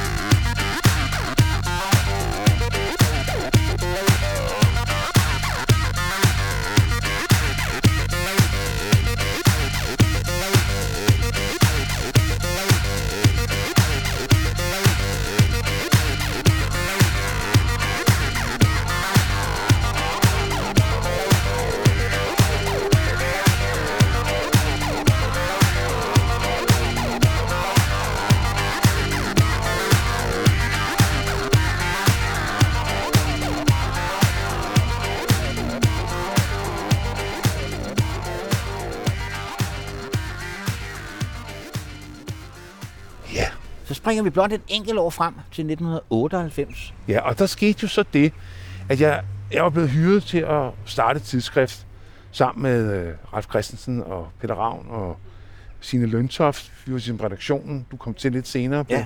blev hvad hedder det, musikchef. Kritikredaktør. Ja. tror jeg det hedder. Ja. Men øh, det skulle så lanceres på det års Roskilde Festival. Og Kraftværk var jo sensationen. Altså det var ligesom... Ja, for de havde ikke spillet i, I mange år. Nu mange, mange turnerer de jo hele tiden, Ja, ja. ikke? Eller dem, der er, Nu- det, der er tilbage af det. Ja, der er ja. meget tilbage. Ja. Men det var virkelig helt store, så vi havde ligesom tænkt os at gå ud med kraftværk som forside. Jeg kan ikke huske, hvad der skete, men der var så meget bøvl med billeder og rettigheder.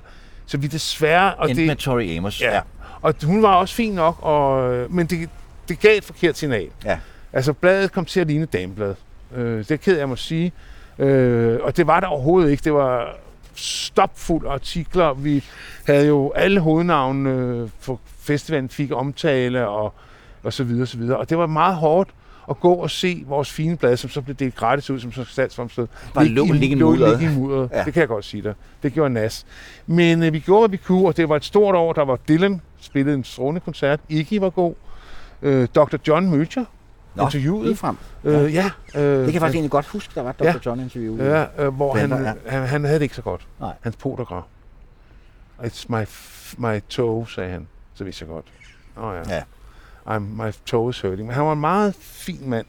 Men en af de store oplevelser, jeg havde der, det var Tricky, som jo var braget igennem i 95 med albumet Maxine K. Ja, hvor jeg så ham første gang, da han varmede op for PJ Harvey. Ja, Øh, varmet op. Ja, inde i, hvad hedder det, Pumpehuset, tror jeg skulle det var. Øhm, da hun heller ikke var større, fordi så hun havde lavet To Bring My Love-pladen. Ja. Og han havde så, dengang koncerten blev annonceret, der var han bare, øh, hvad hedder det, support down, og man vidste, jeg tror ikke, at man vidste, hvem han var. Så kom Max Quay-pladen. Ja. Ja. Han havde lige været med på Massive Attack og så videre, han havde hørt om ham. Og den eksploderede. Så det endte med, at han ikke varmede op. De, de spillede to regulære koncerter, ja. Ja. øh, begge to, og det var nogle virkelig, virkelig gode koncerter. Ja. Ja. Det var, der fik man øh, noget for pengene. Men den så jeg for den der berømte platform, du snakker om, anmelderplatform, og han havde, det gjorde så indtryk på mig, han havde en joint roadie. Han, han havde en roadie, der røg, altså nogle mega joints, som han så stod og holdt gang i. Og så mellem numrene, så fes Tricky hen, så fik han nogle ordentlige bøb af den der joint, og så ud og, og køre videre, ikke? Og alene det var nok til at gøre det ud. Og så var han så intens og... Øh, Han altså, var god i de år. han var rigtig god der i 90'erne, det var han fandme. Så det var sådan en rigtig særlig, særlig koncert for mig. Øh, Kraftværk var også helt fantastisk. Ja. Altså, det var alt, hvad vi havde Også fordi der havde vi ikke set det der Nej. øh, kæmpe Sidst vi så show. dem i Saga, det var jo meget beskedent, ja. og det de stillede op, det var i 80'erne, ikke? De Jo. spillede Saga. Og der var jo, det var small time, ikke? Her var det jo altså virkelig kraftværk for fuld udblæsning. Så det 98 var et super, super fedt år. Så, men vi hører Pumpkin, hvor han øh, har synger sammen med Alison Goldfrapp øh, fra 1995, men i forbindelse med festivalen 98. Don't.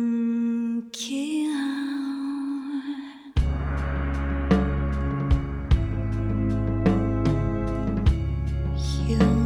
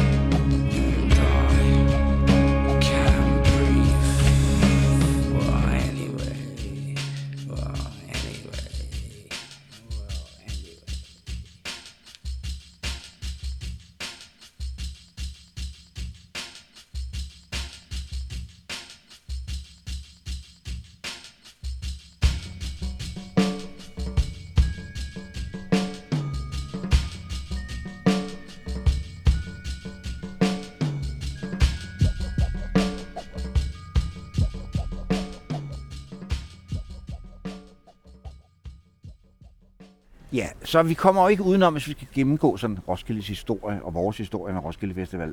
Er et af de meget bemærkelsesværdige år, det var jo ulykkesåret 2000. Ja, det var det. Også fordi, at det startede som business as usual. Ja. Altså, det, altså vi var ligesom, nu var vi så nogle rotter.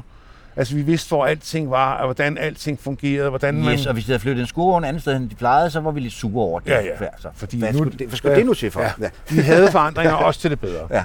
Øh, men øh, så det var ligesom sådan en, øh, ja ja, nu skal vi på Roskilde og dit og datter. Jeg, jeg kan huske, jeg hang ud med, med min ven Peter og hans øh, kæreste Signe, og vi var alle sammen lidt småforelskede i Sankt Etienne. Det var sådan et rigtig godt baggrunds... Altså, det var sådan musik igen, man kunne høre til alle lege. Det var jo ikke et stort orkester, men det var et dejligt lille orkester. Øh, og vi er jo vilde med keyboardspiller Bob Stanley, som jo skrev den ene fremragende en bog efter den anden, ja. vi skrev en, der hedder Let's Do It, som hermed anbefales. Og hans hovedværk er jo Yeah, Yeah, Yeah. Som vi har anbefalet før, men gør det gerne Gerne igen. igen, Hvis man ja. bare vil have en bog, der ligesom Ja. fortæller populærmusikkens historie, så er Ja. det faktisk et ret godt sted at Så er det et rigtig godt sted at starte. Øh, men det var der ikke noget af. På det her tidspunkt, der havde de, en, de havde på seneste album, hed Good Humor, kom i 1998. Ikke det største Sankt Etienne-album, men som sædvanligt med nogle gode hits på i dem. Det var det nummer, vi skal høre, der hedder Silvia. Og der havde vi en rigtig god time, hvor vi stod og vuggede og nød stemningen. Og ja, måske røg vi en lille rumcigar, det ved jeg ikke. Men, og så kom vi ud derfra, og så var det ligesom om, at der var et eller andet helt galt i luften. Altså, vi kom, vi var sådan rigtig høje og glade, og åh, hvor har vi haft det godt, os tre. Så var der sådan en uhyggestemning, og så måtte vi spørge nogen, hvad der skete. Jamen, der er sket en ulykke op på orange scene. Nå, Ja. til Pearl Jam. Og så flejnede Signe ud, fordi hendes lille søster var til sin første Roskilde-koncert, og hun var Pearl Jam-fan.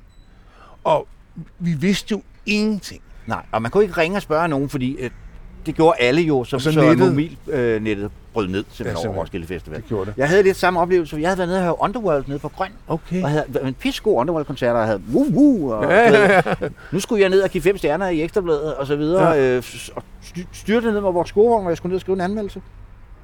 Og kunne også godt mærke, at der var et eller andet, der ikke var, som det plejede at være. Men jeg havde travlt, for jeg skulle ned og skrive Ja, ja, ja. ja. og deadline, og du kender det, og så Ja, videre. ja. Øh, Så jeg sådan bed ikke synderlig mærke i det, før jeg kom ind i Ekstrabladets skurvogn. Og så... Det var jo ryd forsiden. Ja. Altså, og, Ja, ja, ja. ja. alle og prøvede at finde ud af, hvad fanden der var sket. Og det var jo det var først dagen efter, man fandt ud af helt nøjagtigt, hvad det var, Ja, der var ja. sket. Øh, Vi snakker, altså, der ja. var jo heller ikke nogen, der kunne sove den nat. Nej. Altså, der var jo ikke, altså, man sad jo ligesom der og glodede på hinanden og spurgte alle, hvor mange, og et tidspunkt var dødstallet jo, altså 2030, der var døde, og man tænkte, hold da op. Og det var ikke, fordi det ikke var tragisk nok øh, med de syv unge mænd der, men altså, rygterne gik jo, og ja, Ja, og der skete jo også... Altså, Roskilde mistede jo sin uskyld på ja, en eller anden det måde. gjorde den. Fordi vi havde... Og det var... Jeg ved ikke, hvor mange gange vi ikke har gået og sagt til os selv. Det er utroligt, at man kan sætte 100.000 pattestive mennesker sammen, og ja. Der ikke sker noget. Ja, det sagde vi Hver år. Hver år. Ikke? Men Og der skete aldrig noget Nej. andet end, altså en gang med, der var en, der døde, fordi han gik fuldt ud på jernbaneskinnerne. Ja. Ja. Men det er sådan noget, der sker. Det kunne jo også være sket alle mulige andre steder. Det var ikke noget, hvor man tænkte, nationaltragedie. Jamen det her var jo en nationaltragedie. Ja. Øh, og Eddie Vedder, han sad jo og græd på scenen. Ikke? Han kunne jo se det. Han kunne jo se det. Det har altså ikke været fedt. Nej. Øh. Og prøvede jo også at få stoppet musik, og der var et eller andet og sikkerhedsmæssigt kaos. Der blev jo lavet helt om. Fuldstændig om. Også, og der der- kom jo de der, øh, øh, hvad hedder de der... spærre nede for spærrer, orange ja. scene, ikke? så man ikke, der, ikke- Så man ikke du- kan mase på samme ikke lave måde. den der pres og der er jo lavet den, der, blev også lavet den der pit, den var der jo heller ikke i gamle Crowdsurfing, hvad hed det andet der, hvor de sprang ud? Øh, stage diving Ja, blev ja. forbudt. Øh, alle de der ting, de blev forbudt.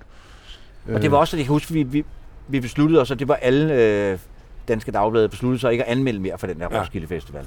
Jeg kan huske, Og at, der blev sådan snak om, at musikken skulle stoppe og så videre, og, men, men, Men man, Pet valgte, Shop Boys, de er aflyst. De Ja. skulle have spillet. De var hovednavn lørdag Ja. aften, ikke? men man valgte så alligevel at fortsætte Ja, musikprogrammet. for, for ligesom at... Og, og så, Og så jeg Flaming Lips blandt andet dagen ja. Efter, som lige havde lavet, hvad hedder det, fan at den hedder? Soft Bullet- So- Bulletin. Soft Bulletin øh, på det tidspunkt.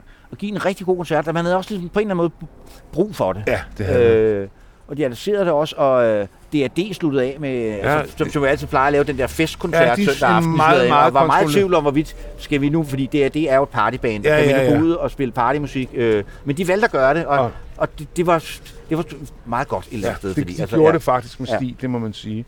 Men vi skal høre Silvi, en af Sankt Etiennes singler fra albumet Good Humor, som de jo så også spillede til den sidste koncert før Uskyen røg.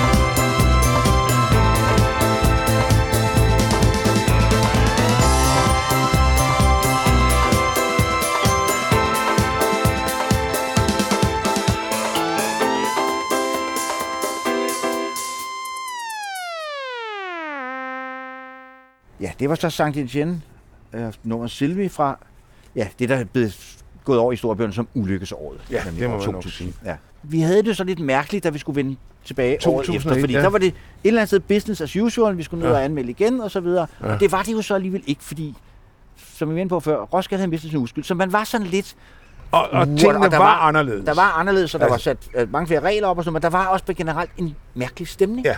Fordi kunne vi egentlig tillade os at holde en musikfestival på det sted, hvor en række unge mænd havde mistet livet året før? Altså, man følte lidt, at det var grænseoverskridende. Ja. At der var, det var respektløst. Altså, er det respektløst, at vi er her? Skal livet fortsætte? Og det skal det jo. Ja. Det skal det jo, men, men og, og jeg kan huske Senior, som jeg nævnte før, hun sagde, det er så uretfærdigt, det skete på Roskilde, sagde hun. Hun havde været på en masse af de engelske og franske festivaler. Hun sagde, det er den mest tjekkede festival, jeg har været til. Hun sagde, altså det burde være sket på en af de der andre, hvor de, det hele sejler, sagde hun. Hun, var virkelig, hun sagde, det er virkelig uretfærdigt, at det skete på Roskilde. For hun havde set de der øh, mange andre europæiske Men for nu at citere, øh, vi skal sige, accidents will happen. Og det, altså, det, altså, det var jo en, en, en kæde af alle Ja. mulige ubeheldige begivenheder, som Ja. så udløste den tragedie der. Og, Men der øh, skete så det i 2001, Ja. ja. at Patti Smith, hun spillede på orange scene. Ja. Og det var øhm, et af mine helt, helt store, øh, jeg er helt øh, rødlebil bare jeg taler om det, jeg, jeg græd under koncerten. gjorde du fordi fint, ikke? Jeg stod ved siden af dig. Det lykkedes hende simpelthen at rense de der underånder ud. Ja, altså, sådan oplevede jeg det. Ja, det altså, jeg er ikke noget særligt øh, religiøst menneske, men, men det oplevede jeg simpelthen Jamen, det der. var hun shamanisme. Fik, ja, hun Det fik fjernet de underånder. Ja, det gjorde hun. Der øh, skete et eller andet der under den koncert der, hvor hun ligesom sagde, det er ok, vi fortsætter. Og hun spillede også One øh, Pearl Jam nummer ja, og så videre, og hun adresserede det jo. Altså hun, Ja, ja, hun, hun tog simpelthen tyren ved hornene, Ja. altså, og snakkede meget om det, og læste Ja. digte op, og, og, og gav en forrygende Patti Smith-koncert, som hun jo kan. Men hun ha- havde jo måske ikke så meget mere, fordi hun er blevet ældre, men øh, har jo altid haft de der shamanistiske elementer Ja, øh, i sin sceneoptræden, og dem Den tog hun hun også helt, helt, helt ud. Også fordi hun har også altid haft den der stålsatte tro på, at kunst kan ændre verden. Ja, og kan, Og, og det, kan hun, og det gør hun med så smittende effekt, at man i hvert fald, mens man står og ser Patti Smith, så tror, tror man, man på det. Ja, det er rigtigt. Og hun startede koncerten med at spille en coverversion af det gamle Birds-nummer, So You Wanna Be a Rock and Roll Star, og det gav altså også mening i konteksten. Ja, det gjorde det. Jamen, og altså, det var ligesom, jeg, altså, da var- jeg så tårer i dine øjne, der fik jeg simpelthen chok. Jeg tænkte, Henrik Kvejt, han kan, altså, han græder, så, Så er det, ikke, noget på what spil. is this world Ja. coming to? Jeg græd jo så også, men det gør jeg for et Ja. godt ord. Jeg er en crybaby. Ja. Men Så øh, det det, vil jeg for evigt, øh, Ja. udover mange andre ting, jeg Patti Smith øh, taknemmelig for, hun simpelthen på en eller anden måde, så, Ja. så, så fik hun, altså selvfølgelig er det stadig, det var ikke fordi det er blevet mindre tragedie af den grund eller sådan noget, men hun gjorde noget, med, at- jeg på en eller anden måde synes, jeg kunne tillade mig at være til Roskilde Festival. igen. Jeg er helt 100% på den vogn, Henrik. Godt. Godt. Så lad os høre So You Want To Be A Rock and Roll Star, ja. oprindeligt fra albumet Wave, der kom i 1979. So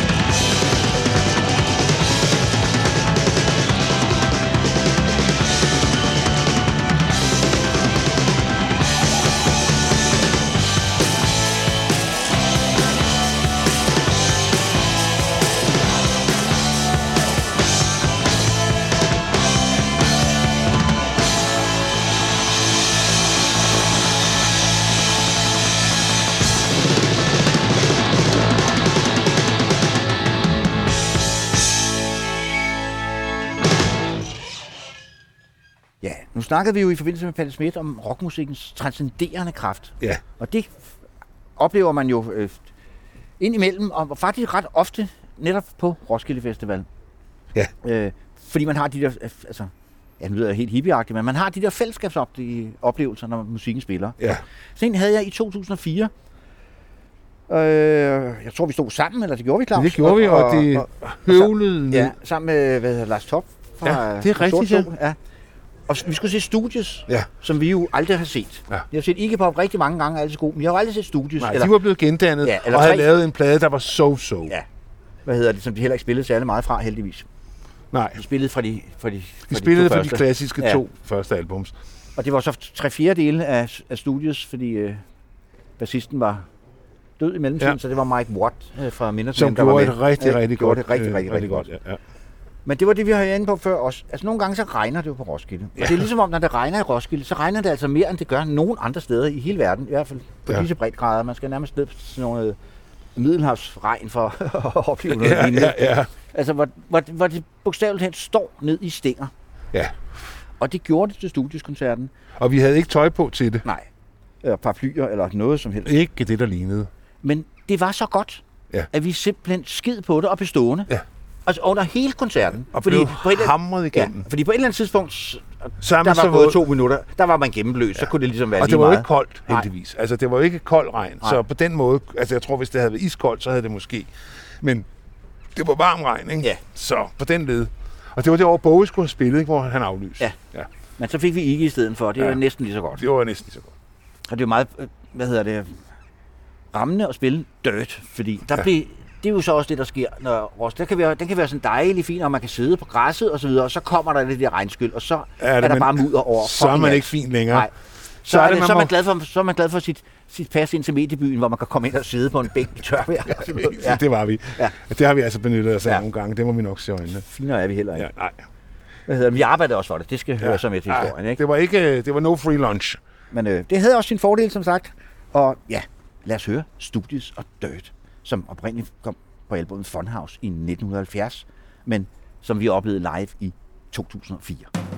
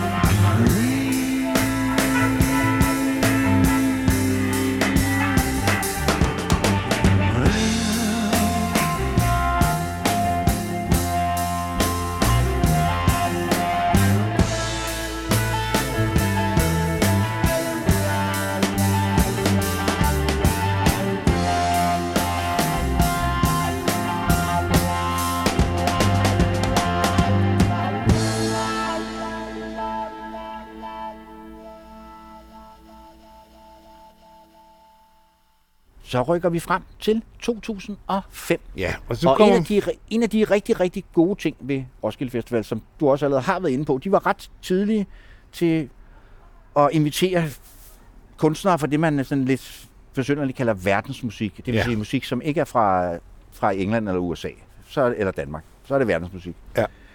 Og det, det vil sige, at man har hørt utallige koncerter med rigtig, rigtig gode koncerter med kunstnere, man ikke anede, hvem var, og man kunne ikke udtale deres navne, og man anede ikke, hvad de hed, de instrumenter, de spillede på. Men øh, det var som regel altid en fest. Super fedt, ja.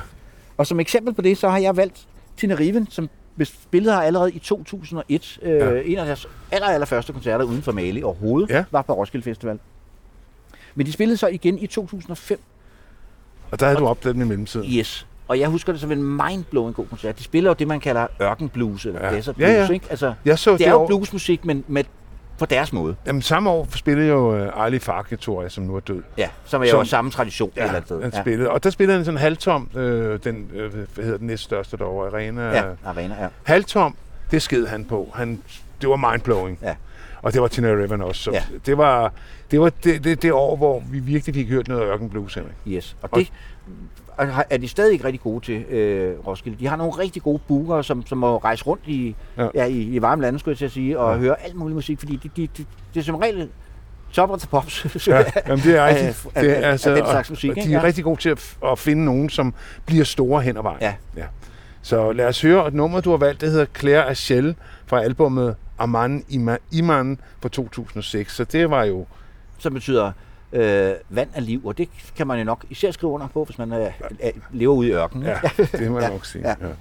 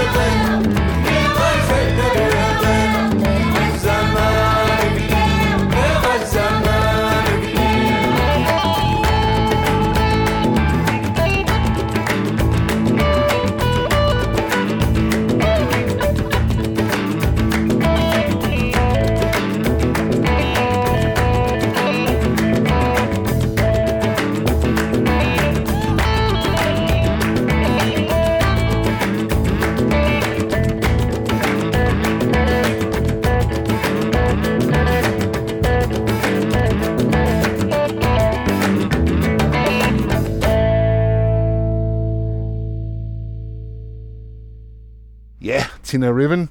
Og nu skal vi så til... Now en- to something completely Ja, nu skal vi til Sverige. sige. Jamen, der sker jo det med festivalen omkring, øh, da tierne begynder, at den begynder at trække meget mere popmusik ind i sig.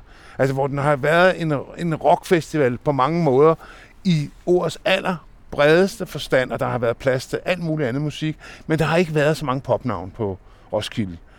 Det begynder at ændre sig nu, fordi at nu overhaler poppen simpelthen rocken som Ja, og- tidens tårnklang.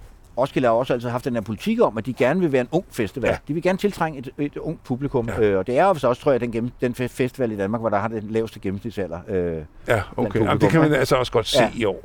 Øh, Jeg må sige, at øh, altså, jeg tror, den er under 25. altså, ja, jamen, det er godt ja. ja. også unge mennesker, vi ser i, i, i dag, synes jeg. De er ikke, ja, der er ikke mange øh, med dit flotte grå skæg hernede. Nej, det er der ikke. Øh, men øh, det år præsenterede de så Robin, der havde fået et kæmpe gennembrud med albummet Body Talk, som vi også var vilde med hjemme hos os. Og det var vi også hjemme hos os. Ja, og ja. øh, vi synes virkelig, hun kunne noget, hende der Robin. Hun havde været i gang i mange år, men det var ligesom der, man sagde, okay, hun kan det sgu var der, tingene for alvor klikkede. ja, ikke? for Ja. hende. Og hun havde nogle gedigende hits øh, derfra, hvor et, et af dem, det var Dancing on My Own. Og hun gav jo et mega show. Altså hun brændte igennem fra, hun startede. Der var ikke noget, hun, hun, ville, hun ville vinde kampen. Ja. Hun gik ind i kampen for at vinde, og det gjorde hun virkelig. Og Nogle år senere så jeg en anden svensk popsangerinde også give en forrygende koncert, Veronica Maggio, ja. Ja. som vi jo også holder meget af. og, ja, som også Ja. ja. giver et godt Ja. show, ja. og som også skal vinde kampen. Ja. Altså, og det betyder rigtig meget, så der kan man sige, øh, hvis man kigger på det program, der er i år, jamen, så er der jo rigtig mange popnavne hernede. Der var der også i vores præsentation. Øh, altså, vi kommer ikke udenom dem. Øh, og det er sådan, det er nu om stunder. Det er ungdommens musik. Ja, og man må også bare konstatere, at popmusikken lever og har det godt. Ja. Og, Ja, der har også været temmelig mange hiphop-navne hernede, men øh, det er sjældent, de har givet de der helt uforglemmelige koncerter, synes jeg. Øh, ja, men det gjorde Robin det i gjorde 2010. Robin. Ja, og gav et show. Og hun valgte nummer Dancing on My Own. Det gjorde hun så ikke, fordi vi stod vel, ja, Ja. mange, mange, mange tusind mennesker. og dansede danse. Ja, det gjorde vi. Ja. Det var en god aften. Ja. Så lad os høre Dancing on My Own fra 2010.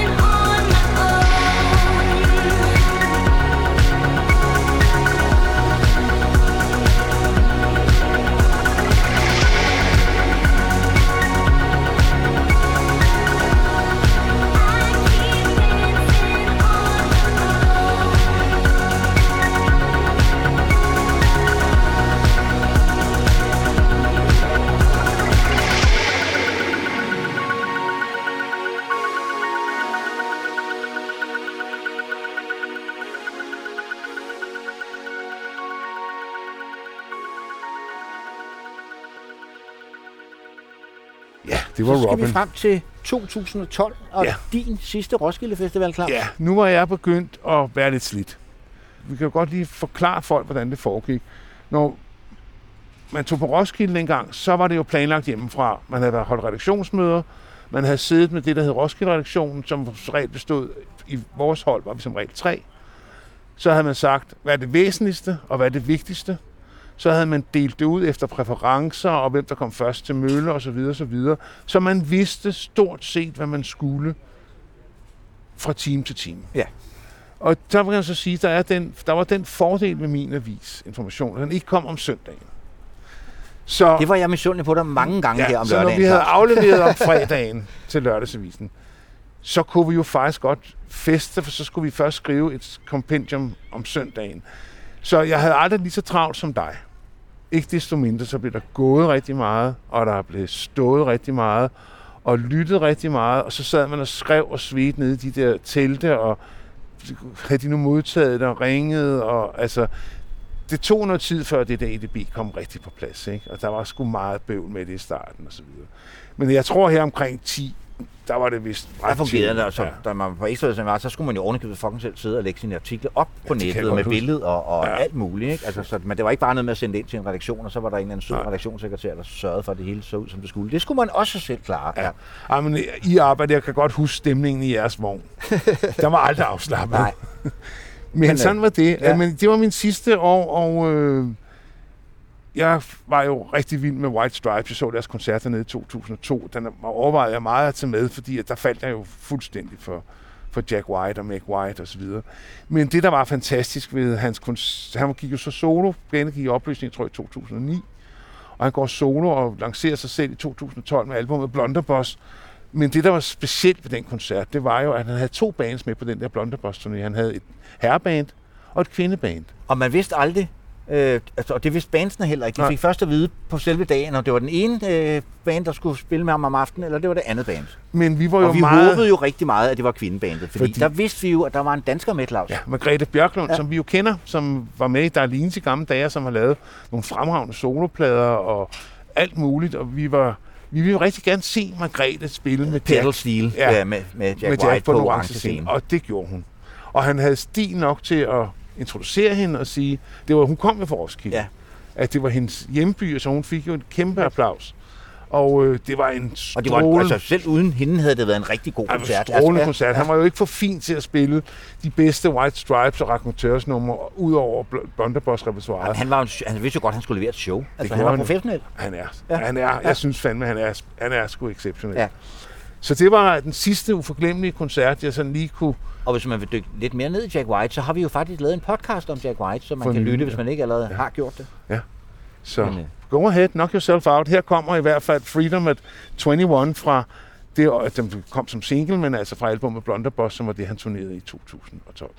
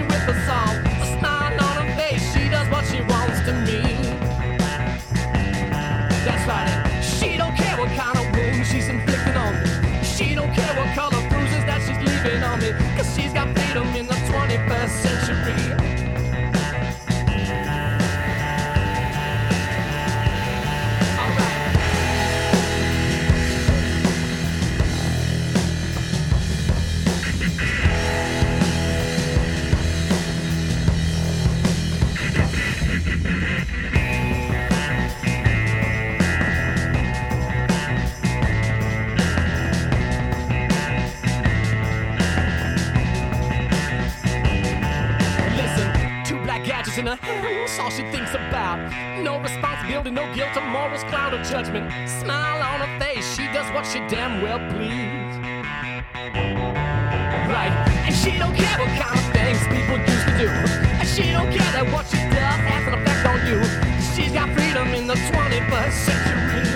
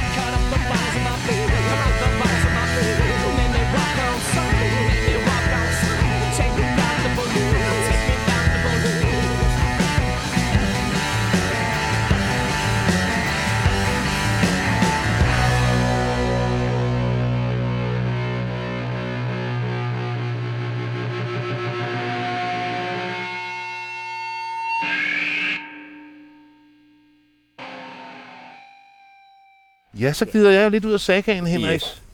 Jeg blev hængende nogle år som anmelder, øh, længere end dig, Claus. Ja. Øh, og det fik jeg også nogle gode oplevelser ud af. Ja. En af de aller, aller største, det var i 2016, hvor PJ Harvey, som vi har nævnt lidt før i forbindelse med Tricky, øh, spillede øh, på den der Hope Six Demolition Project. Det var, Nå ja, det var hendes nye plade på det tidspunkt, som var hendes krigsplade.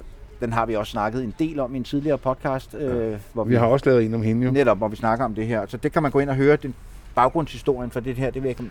Men hun spillede den koncert, hvor hun opførte sangene for den, og fra uh, Let England Shake. Det var sådan ligesom de to øh, blader, Værker, der ja. meste blev, blev spillet fra den koncert. Hun, kom hun var helt fantastisk, og hun havde den der, hvad den hedder, det der strenge instrument, hun Ja. Dulcimer, ikke? Jo, og hvad hedder det, og hun havde sådan nogle fjer på, Ja, hun på spiller også saxofon, ikke? og spillede saxofon, og hun var, altså det var, Som jo faktisk var hendes første instrument. Ja.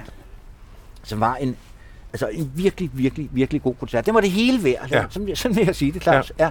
Jeg har så valgt et ældre øh, nummer, To Bring You My Love, fra pladen af samme navn, der kom i 1995. Men som var på sætlisten. Den var nemlig på sætlisten. Øh, hun krydrede nemlig den også lige med, Med et par hits. med et par hits. Ikke? Øh, man kan sige meget om, om Hope Six øh, Demolition Project, men der er ikke så mange hits Nej, på den plade. Det var hendes Captain Beefheart-plade. Ja. ja. Og hun er jo bare fantastisk på en Jamen, scene. det Hun har spillet her flere gange. Vi Ja. har også så en Ja, vi så jo det show. Det, for heldigvis så jeg det jo så i en koncertsal. Hun spillede det jo så samme vinter, ikke? Jo. Øh, To Bring der- My Love Show, ja. ja. og vi har også set hende optræde sammen med Nick Cave på Ja. ja. Orange Scene, hvor de, hvor de sang deres øh, duet sammen. Ja. Ja. øh, det var også et ømt øjeblik. Ja, det må man sige. Men øh, ja, lad os høre PJ Harvey, To Bring You My Love.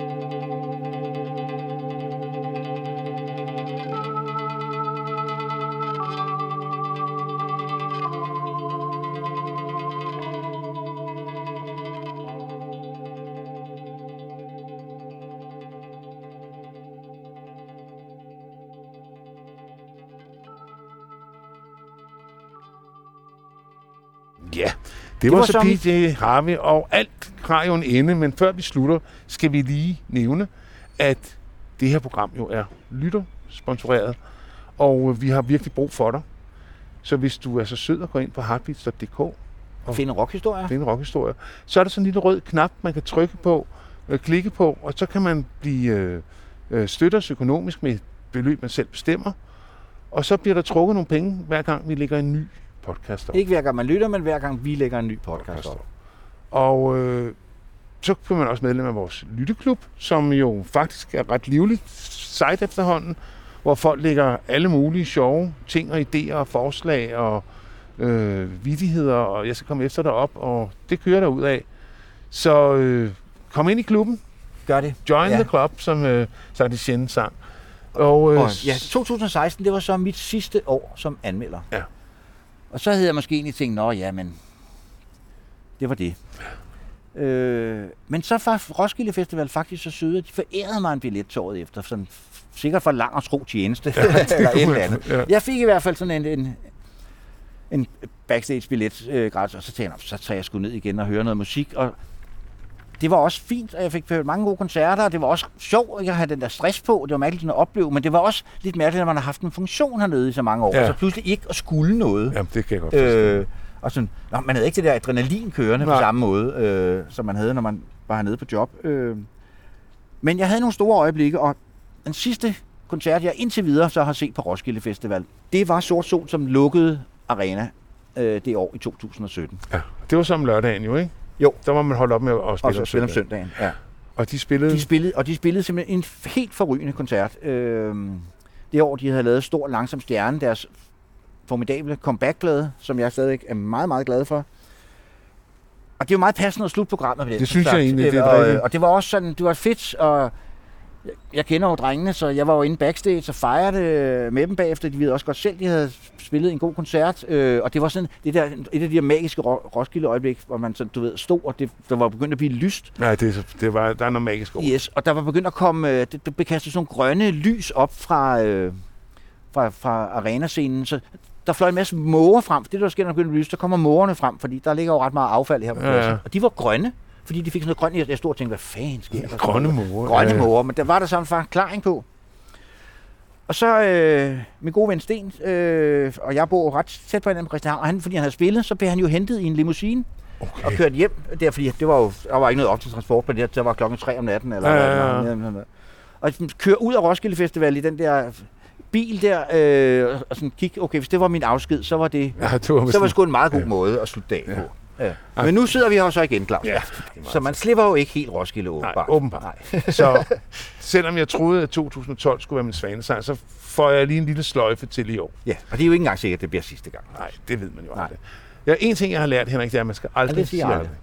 Men tak, fordi I har lyttet med, venner, Yes. og dem af jer, der er på, har været til festivalen. Jeg håber, den var god. Og til alle jer andre, have en rigtig god sommer. Vi går på ferie nu, og vi er faktisk først tilbage den 16. august af forskellige årsager, som jeg skal komme ind på. Men øh, hæng ved, vi vender stærkt Yes. tilbage, og vi Og glæder hvis det er, at os. du har for mange abstinenser, så kan du genlytte en af de 190 andre podcasts, der ligger derude. Øh, og vi slutter af med Tattling Tower fra måske Sort Sols hovedværk, Flow My Fire Tear. I hvert fald et, et godt bud på Ja. det, da de har, de har lavet flere hovedværker. Ja. Men, men, men Hvor den amerikanske guitarist uh, Link Ray medvirker, den legendariske amerikanske guitarist. er med det på. gjorde han så ikke, da de spillede i Roskilde. Nej. Nej. Men de lukkede simpelthen deres koncert med den. Så det ikke bare var det den sidste koncert, jeg har set på Roskilde videre, det var også det nummer, der lukkede koncerten. Så på alle måder en grande finale. Ja. Og med de ord siger vi tak for den gang.